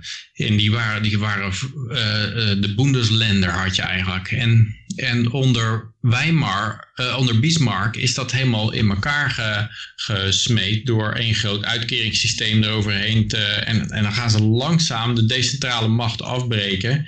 En iedereen in een uitkering lokken en een pensioensysteem en dingen nationaal doen. En dan langzaam ga je naar de Weimar-republiek en dan ga je een hele hoop geld drukken om, om iedereen tevreden te houden en schulden maken die allemaal en, en op een gegeven moment ontstaat dan Duitsland waarin de nationale staten niet meer herkenbaar zijn. Ik denk dat het in Amerika ook zo is. Die staten die hebben in principe in Amerika meer macht. Die kunnen federale wetgeving nullen, nullifyen. Mm. Maar uh, als je het nu veel mensen vraagt, dan zullen ze zeggen, nee, de federale overheid staat boven de statenoverheid. Dus die, die, die is de ultieme baas. En ik denk dat er daar ook als je, zelfs als je naar de cultuur kijkt, vroeger waren misdaadseries, daar, daar, als de feds erin kwamen, dat waren altijd maloten, die kwamen, die kwamen altijd uh, uh, klunzen, die kwamen, kwamen te laat bij een, bij een crime als die opgelost was, zeg maar. Nu zijn de, de lokale sheriff is de, is de klojo en de, de, de FBI-man is de grote held die erin komt. Dus langzamerhand zijn ze de autoriteit van de lagere overheden aan het afbreken en, het, en de macht omhoog aan het schuiven. En dat is denk ik overal aan de gang. Maar we, we hebben het nu over de Verenigde Naties, toch? Dat is nu de, de grootste orgaan. Nou, is toch ja, maar dat, dat zit op alle niveaus. Zeg maar. Overal wordt het, wordt het op lagere niveaus afgebroken en overgedragen naar hogere niveaus. En dat is natuurlijk een heel proces voordat je dat, eh, voordat je dat helemaal hebt gedaan. Ja, daar ben je echt wel uh, heel lang mee bezig voordat, uh, voordat je ik, Ik, volgens mij is het zo dat na uh, de inval van de Verenigde Staten in Irak neemt eigenlijk niemand meer Verenigde Naties serieus. Ja, maar dat kan zo weer veranderen. Je hebt nu al je ziet nu al dat de WHO, uh, dat hoort ook bij dat clubje van de VN. Ik bedoel, die, die lopen nu ook eigenlijk te bepalen wat, hier, uh, wat er allemaal gedaan moet worden. Nou, natuurlijk niet direct, maar ze, ze adviseren of wat is het? Uh, nou, je hebt een heleboel. Ik moet zeggen, ik vind de VN... Een flinke, hm. flinke vinger in de pap. Maar we denken bijvoorbeeld van de IMF. Als al die, die zorg failliet gaat, wordt nou alweer van het IMF gaat dan een, SDR's uitgeven en een soort nieuwe geldeenheid ja, wat gebeurt als die euro stuk gaat? Dan wordt er weer, en die, en die dollar als reserve currency, dat gaat natuurlijk ook een keer mis. Dan krijg je een nieuwe wereldmunt. En dat is altijd al een, een eerste zet die je gaat maken uh, naar een, een centrale wereldmacht. Want dat gaat dan op een gegeven moment mis. En dan zegt je, ja, Maar die wereldmunt, dat zou ook misgaan, want dan moet je ook een wereldoverheid bij hebben. Dat kon je van tevoren al zien aankomen dat die IMF-munt mis zou gaan. Dan heb je een wereldmacht bij nodig en een wereldbelastingregime en een wereldbankenunie. En dat is hetzelfde als wat met de EU gebeurde.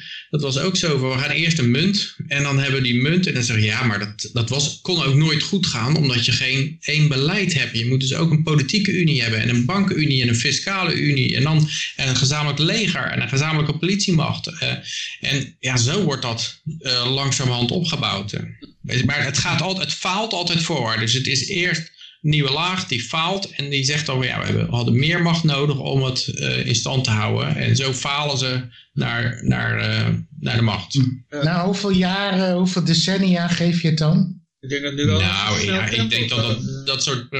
Nou, ja. ik zou zeggen dat, dat het nog best wel 100 jaar kan duren voordat het zover is. Ja. Oké, okay. nou, ik hou het in de gaten, Peter. ik, ik, ik, denk zelfs dat er, wel, dat er wel een snel tempo in gaat zitten nu hoor. Op een gegeven moment zijn ze op een bepaald hellend vlak heen en dan in één keer kantelt het pakket de andere kant op. Dus, uh. Nou, ik sta ervan te kijken hoe snel het nu gaat. Ja, ja. Dit, dit, is wel even, dit is wel even een enorme sprint, ja. ja. De, die corona, is, die zag ik ook even niet aankomen. Ja. Maar goed, uh, we hebben nog een paar berichten en het is uh, bijna 12 uur, dus uh, laten we nog even snel doorheen jumpen. Canadese massamoordenaar was welgestelde ja, tandarts met obsessie voor de politie en, en, met, en een drankprobleem. Oké. Okay. Wat het apart is dat je, als er dan in Canada een massa schietpartij plaatsvond, vindt, dat je daar dan niet zoveel over hoort als in Amerika. Want bij Amerika is het altijd van, ja, die maloten met hun, uh, hun wapenbezit, dat moet dus afgeschaft worden. En de Second Amendment, die moet er eigenlijk uh, uit. En uh, nou, geen wonder dat er daar allemaal schietpartijen zijn, want ja, elke heel billig die kan een wapen hebben, allemaal white supremacist. En het is tijd voor gun control. Maar als er dan in Amerika wat gebeurt, of het is een politieman, dat is ook zo. Als het, als het iemand is van de politie, dan hoor je er ook niks van. En dan zit ze hier een beetje moeilijk. Hier heb ik ook niet veel van gehoord van deze event. Dat was niet echt in het nieuws als een soort Sandy Hooks of een, uh, ja, uh, een uh, Puls nightclub schietpartij. Maar het aparte was dat, vond ik dat, dat, ja, dat, dat werd deze, oh, bij al die, al die dingen wordt altijd gezegd van, wie zo'n buurvrouw, en die zei, wat was het ook weer, buurvrouw noemde hem een vriendelijke, behulpzame man. Voor wie ze nooit zo'n tragedie had verwacht. en, uh, maar dan, dan lees je over die vent. En die was een totale uh, idolaat van de politie. Hij had twee politiewagens gekocht. En hij reed, in politieuniform rond. Hij, hij verzamelde allemaal politie-memorabilia. Tijdens de high school zeiden ze al, nou die gaat vast law enforcement in. En uh, hij had een soort zijn woning was een soort heiligdom ter ere van de Canadese politie. Dus ja, dat, dat, ja, ik wou maar zeggen van, ja, ik had hem volgens mij wel eerder gespot, uh, deze, dat, dat er iets mis was met deze figuren. Ik las het verkeerd, ik dacht den, denturist, ik dacht, uh, ik dacht dat het... ik ben een beetje dyslectisch. Nou, Wat is een denturist? Ja. Oké, okay, wel met tanden, oké, okay, oké. Okay. Ja. Maar wat ik ook apart vond is dat door de coronapandemie, want hij, hij zou dan miljonair, uiteindelijk heb ik altijd goed gedaan, maar door de coronapandemie moest hij half maart zijn praktijken sluiten. Hij bezat twee grote eigendommen in uh, uh, Portico Beach Road, waar hij zaterdagavond begon te moorden. Ja, dan vraag ik me ook wel eens af uh, van, zijn dit ook coronadoden? Ja.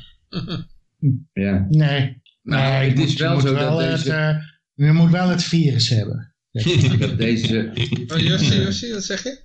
Ja, dat dit, de corona gebeuren natuurlijk wel bij dit soort labiele figuren die dan waarschijnlijk, weet je wel, als het niet nu was gebeurd, dan wel over een half jaar. Hè? Dat denk ik dan altijd maar. Maar um, die dan toch getriggerd worden daardoor. En die zich wel ja, laten kennen, of weet ik het wat. Ik had van de week was het uh, uh, 20 april. Dat is de dag waarop cannabisgebruik gevierd wordt.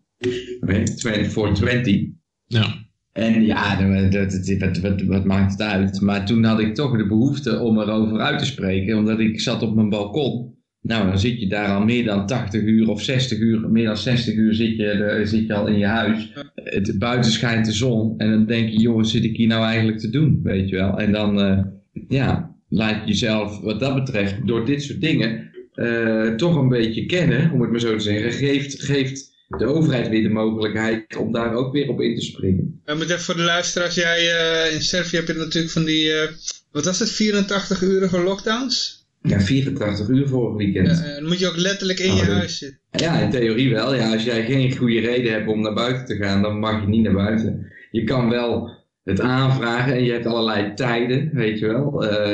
je mag met maximaal twee personen 20 minuten met de hond lopen binnen 200 meter radius van je huis, et cetera. Allemaal dat soort uh, standaarden en zo. Maar ja, heb jij een, een, hond die je kan lenen van iemand? Nou, ik had de vorige keer had ik mijn vriendin een halsband omgedaan, maar dat is Toen ben je ook weer gearresteerd. ja, dat is mijn... Nee, nee, nee. nee. Maar... Um, weet je wel, ik ga dus niet... Ik ben hier om mijn land te stichten. Ik ga niet die, die regels challengen of, of aanvechten, want dat, dat is niet, maar als ik hier nou 10.000 Nederlanders uh, om me heen had. heb je gechallenged, hè? Ik bedoel, uh... Wat dan? Ja, maar dat was allemaal, dat was allemaal nep, uh, Johan. Hè? ja. dat was allemaal nep gras. music van de Marley Family. Oh, copyright music. Ja, maar dat is anders als je het livestreamt. Ja, ja. Als je het livestreamt is het anders. Want als je die video's, als je die video's terugkijkt dan zul je merken dat het geluid gedempt wordt op het moment dat ik copyright music draai. Oké, dus je kan je stem wel horen dan? Nee, in stukken niet. Als het copyright is, dan zet Twitch er gewoon een copyright filter overheen. En, dus. ja, dan, als je, dan moet je even terugkijken. Ik denk dat het dan helemaal stil is. Hm. En, en volgens de regels mocht je niet roken daar, toch? Nee, ja, dat heb ik zelf verzonnen. Ik wilde, ik wilde mezelf ah, nooit roken ah. op de beeld hebben. Maar ja, je Oké, oké, oké. Nee, goed. Ja, maar ja. Um, kijk, een laatste bericht. Oh, tenminste, hadden we nog iets te zeggen over deze kunstgebitmaker? Uh, kunstgebithandelaar? Nou, hij schoot kennelijk 168 mensen neer. Hij was 51 jaar. Nee, uh, geen 168, nee, dat is wel heel veel. Oh, oh, sorry, ik lees het net verkeerd. Dit was 25 jaar nadat er een aanslag met 168 doden vielen. Ja? Want dit was uh, exact 25 jaar nadat Timothy McVeigh een bomaanslag pleegde. Oh, dat, oké. Daar werd naar gerefereerd. En daardoor las ik 168. Het werkelijke aantal hier is 18 doden. Excuus. Ja. Maar dat vind ik best wel raar. Dus dat is een man die helemaal geobsedeerd is door de politie. En die wil dan 25 jaar na de aanslag van Timothy McVeigh. Die volgens mij, ja ik weet niet wat zijn probleem exact was. Maar ik zie niet echt een connectie met die twee dan. Nee, maar dat is alleen in dit artikel gewoon aangehaald. Ja. Oh, oké, dus niet, niet, niet, door, de, door, die, door die kunstgebitte man... Uh... Nee, nee het is de, hij, hij, zei niet, ik doe dit omdat het nou 25 jaar geleden is. Dat niet. Oké. Maar wat triggerde die, wat heeft die man getriggerd? Ja, dat, dat weten we verder niet. Okay. Maar uh, er worden hier wel een aantal suggesties gewekt inderdaad door, door die Waco te noemen, door... Uh, die uh, Timothy McVeigh te noemen, wordt er een beetje gesuggereerd dat hij in een bepaalde hoek zit. Het is raar als je Timothy McVeigh en Waco, uh, zeg maar, uh, dat is heel moeilijk te associëren met, met rondlopen in een politie. ja, ja precies, dat bedoel ik. Dat, dat, ja, want dat waren politiemensen die in Waco slachting aanrichten. Ja, ja en, en Timothy McVeigh was daar weer een reactie op. Nou. Ja, dus, ik, ik, zie die connectie niet. Of is het... En wat ik ook wel apart vind, dat is hij is vermomd als politieagent. En dan zie je ook dat ja, de, de manier waarop een uniform een rol speelt. ik ga moorden, dan trek ik het, het uniform aan waarin je mag schieten en het goed is. Die had wel uh, ik geloof dat dat in Noorwegen, toch? Die, Ja, die, Anders, die, Anders Breivik, die liep ook in. En het was zelfs zo dat die mensen, die kinderen, die kwamen daarop afrennen. Want die dachten, oh dat is de politie, daar uh, zijn we veilig. En zij had het heel, ja, heel makkelijk wat dat betreft. Maar het, het, het, het, aantrekken van, het is net zoiets als strijders die oorlogsverf op hun gezicht doen. Het is een, een, manier van, ik trek mijn legeruniform aan. Ik heb wel eens gehoord, die vent in Alphen aan de Rijn, die schutter, die had ook een, een legeruniform aan. Er, er zit iets in van, ja, in, in dit uniform is het toegestaan. Denk ik dat, dat dat zoiets meespeelt. Het, het is... Hij neemt een andere rol aan. Ja, eigenlijk wilde hij altijd al graag doodschieten. En wat, in welk beroep mag je mensen doodschieten en krijg je een schouderklopje? Dat is als je in het leger of in de politie zit. Je hebt als mens uh, een behoorlijke rechtvaardiging nodig om een ander mens uh, te doden. En Eh, eh, een meerderheid heeft ook echt eh, problemen mee. Eh, in, in een oorlog wordt ook echt soms expres misgeschoten, dat soort dingen. En, Ja. ehm, en ja, dat, dat, dat, dat doe je echt niet zomaar. En, Ik heb En, mensen die, eh, het die wordt ook Irak a- geschoten alles- hebben en die hebben daar nog steeds de nachtmerries over. Hoor. Ja, Hm. Ja. En andersom geredeneerd ook, zeg maar, hè, van eh, dat als je, als je zeg maar hè, zo, zo- zoiets als dit doet, ja, dan, dan mankeert er waarschijnlijk ook iets enorms aan je emotionele eh, leven. Dat je, eh, zeg maar, heel veel empathie eh, ontbreekt. Het zit ergens in je voorkwap of zo, van dat je de, de pijn van een ander kunt voelen als de pijn van jezelf. Ehm ja, dat, dat, dat, dat, daar hebben ze dan meestal wat, wat lastiger eh, mee. Ik bedoel, Je hier ook wel tussen. En dan een aantal, die zijn dan ook wel heel sadistisch eh, gebleken. Om, hè, die zoeken dan echt de pijn op om er iets eh, te voelen. Ja, dus ja, wat, wat die man heeft, dat is wel heel bijzonder. Met zijn uniform. Maar het is ook wel vreemd dat, ja, dit wordt altijd, nou ja, dit is vreselijk als je conspiracy dingen vertelt en on, ongefundeerde beschuldigingen, maar hier gaat het helemaal McVeigh, eh, eh, David Koresh in Waco en dan gaat hij nog verder, deze schrijver van, eh, ja, extremisten houden ook van de Amerikaanse Patriots Day, die valt dit jaar vandaag op maandag 20 april, tevens de verjaardag van Adolf Hitler. Dan denk ik wel eens van, van ja, als ik dat soort verhalen op zou hangen, dan krijg ik gelijk te horen van, eh, nou ja, is eh, nergens geen bewijs voor, eh, allemaal de conspiracy toestanden. Maar als jij eh, gewoon ja, zo'n artikel aan het schrijven bent, dan mag je gewoon van alles erin gooien en een beetje verdachtmakingen en eh nou, nergens bewijs voor en zoek het maar uit. Nog één dingetje. De maffia, die, eh, die goed eh, verspreid hebben, of niet? Die heb ik helemaal opgeslagen. Ja, ja, ja. Ja, dan hadden we ook nog de Libertarian Party. Maar goed, ja, de, ehm, ja, de oplossing komt eh, altijd uit een hele aparte hoek. Eh, de maffia en de Mexicaanse drugskartels. Nou, die maffia die doet aan voedselverspreiding. En, en dat vind ik ook apart, omdat het daarmee, eh, zeg maar, de liefdadigheid van de maffia, dat is ook altijd zo'n link die met de overheid gelegd wordt. De overheid als grote maffia. Dat Dat ze die doen, ze doen ook altijd, overheid, hè? ze doen altijd liefde. Ja, ze- ja, meestal doen ze het beter, denk ik, ja. Maar eh, dat ze ook aan liefdadigheid doen, zeg maar. En dat ook, ook eh, Hezbollah en dat soort organisaties en Hamas, die doen, hebben ook altijd eh, ziekenhuisjes en liefdadigheid en zo. Er zit gewoon- altijd... Ja, ja eh, ook die, eh, die eh, drugsman, eh, hoe heette die ook weer, die in eh, Colombia. Ja, ook, Die had ook voetbal...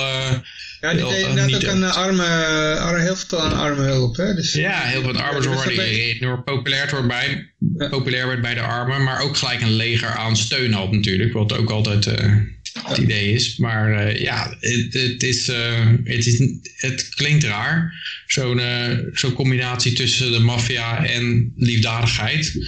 Maar dat is gewoon omdat je, ja, eh, je moet zien dat het een, een hele organisatie, een hele filosofie is eigenlijk, om, dat, eh, om, om goede werken te mixen met, eh, met machtsuitoefening. En als je de overheid als de maffia ziet, ja, die hebben ook een heel, hele grote, dat, een hulpplan hebben ze, hè, voor... Ja, ze innen belasting, beschermingsgelden, ze, ze hebben een leger, de, gangmembers, ze doen al liefdadigheid om een, een leger van arme, solidaire mensen te krijgen. Dus ja, het is, het is gewoon heel erg hetzelfde. Er zijn alleen geen verkiezingen nog, maar dat gaat ook nog wel komen, denk ik. ja, ja, ja. De Godfather kan kiezen. Ja, dus de- de- Wil jij Tony aan de macht of wie nou? wie, wie nou? Ja, maar dus hebben de, bij de maffia hebben ze inderdaad verkiezingen hoor. Dat is, eh, maar dan kunnen alleen, eh, je hebt een klikje van de Godfathers. Hebben ze daar ook zo'n ritueel waarbij dan eh, de, de, de, wat was het, kapitein, de kapitein wordt gekozen. Dus eh, ja. Heb je de film gezien zeker? Nee, ik heb hem niet uit de film, maar ik heb nou ja, Meestal eindigt dat in een enorme schietpartij in zo'n film. Dan, eh. ik heb een documentaire gezien over de maffia heel lang geleden. Dus, eh Oké. was Capi di Capi of zoiets? Eh, Nou, ik denk dat het op zich beter werkt dan, het, dan, eh, dan schietend bepalen wie er de opvolger wordt of zo. Want ja, ik denk dat niemand daar ook in zo'n maffia-organisatie beter van wordt. Eh, dan krijg je weer braakacties en zo. Ik denk dat ze ook wel een soort mechanisme hebben om de machtsoverdracht een beetje, een beetje ordelijk te laten verlopen. Het zal wel eens misgaan, maar In al die jaren zou je het wel verwachten. Ja. Toch? Maar, ze hebben ook mooie vrouwen, vrouwen die het voedsel rondbrengen. Ik weet niet of je dat aan de foto ziet, maar dat eh, ja. eh, eh, maar eh, ja, dan komen we even bij het laatste bericht. En het was eh, ja, eigenlijk een beetje een update over hoe het met de Libertarian Party gaat. Ik weet niet, eh, heeft iemand van jullie het Kentucky debate gezien? Nee. Maar geef me maar wel een update, want ik heb binnenkort Adam Kokesh in mijn uitzending. Ja, ja, hij was er ook bij. Hij was er ook bij. En we hadden het al eerder genoemd in de uitzendingen over die protesten. Hij heeft ook een protest georganiseerd. Dus eh, ja. Wat voor protest? Eh, en een soort anti-lockdown eh, protest. Arizona. Oké. Ja, ja. Oh, dan moet ik hem vlug spreken. Dan gaf hij eh, Free Hugs, had zijn eh, zitten. Free Hugs eh, t-shirt aan. Maar wel met, eh met, met mondkapje en alles op en handschoentjes aan. Dus, maar goed. Ongelooflijk. Maar eh, in ieder geval, ja, ze hadden, ze hadden een debat en ik, ik heb het heel even gevolgd. Midden in de nacht eh, heb, ik, heb ik zitten te kijken en eh, ja.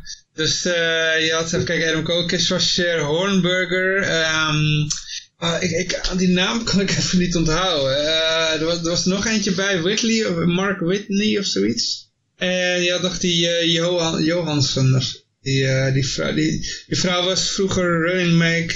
Oh, die was ergens 20 jaar geleden running mate van een andere libertarische kandidaat van wie mij de naam ontgaan is.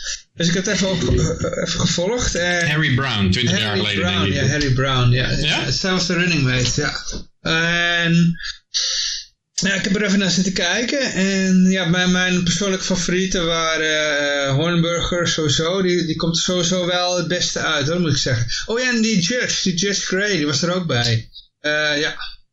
En Hornburger die hakte heel erg in op die Judge Gray als zijn vrijkaarten voor Ja. een eh, extra spreektijd. Die, die stak hij erin om zoveel mogelijk Gray af te maken. Eh, trouwens, Hornburger is zelf een attorney. En eh, Judge Gray is een judge, maar wel van het laagste niveau.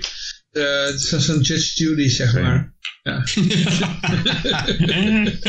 Die een beetje loopt te schelden op Fox News of zo. Nee, nee, nee, dat is voor, voor, voor de, de, de laagste gevallen eigenlijk. eh, ja.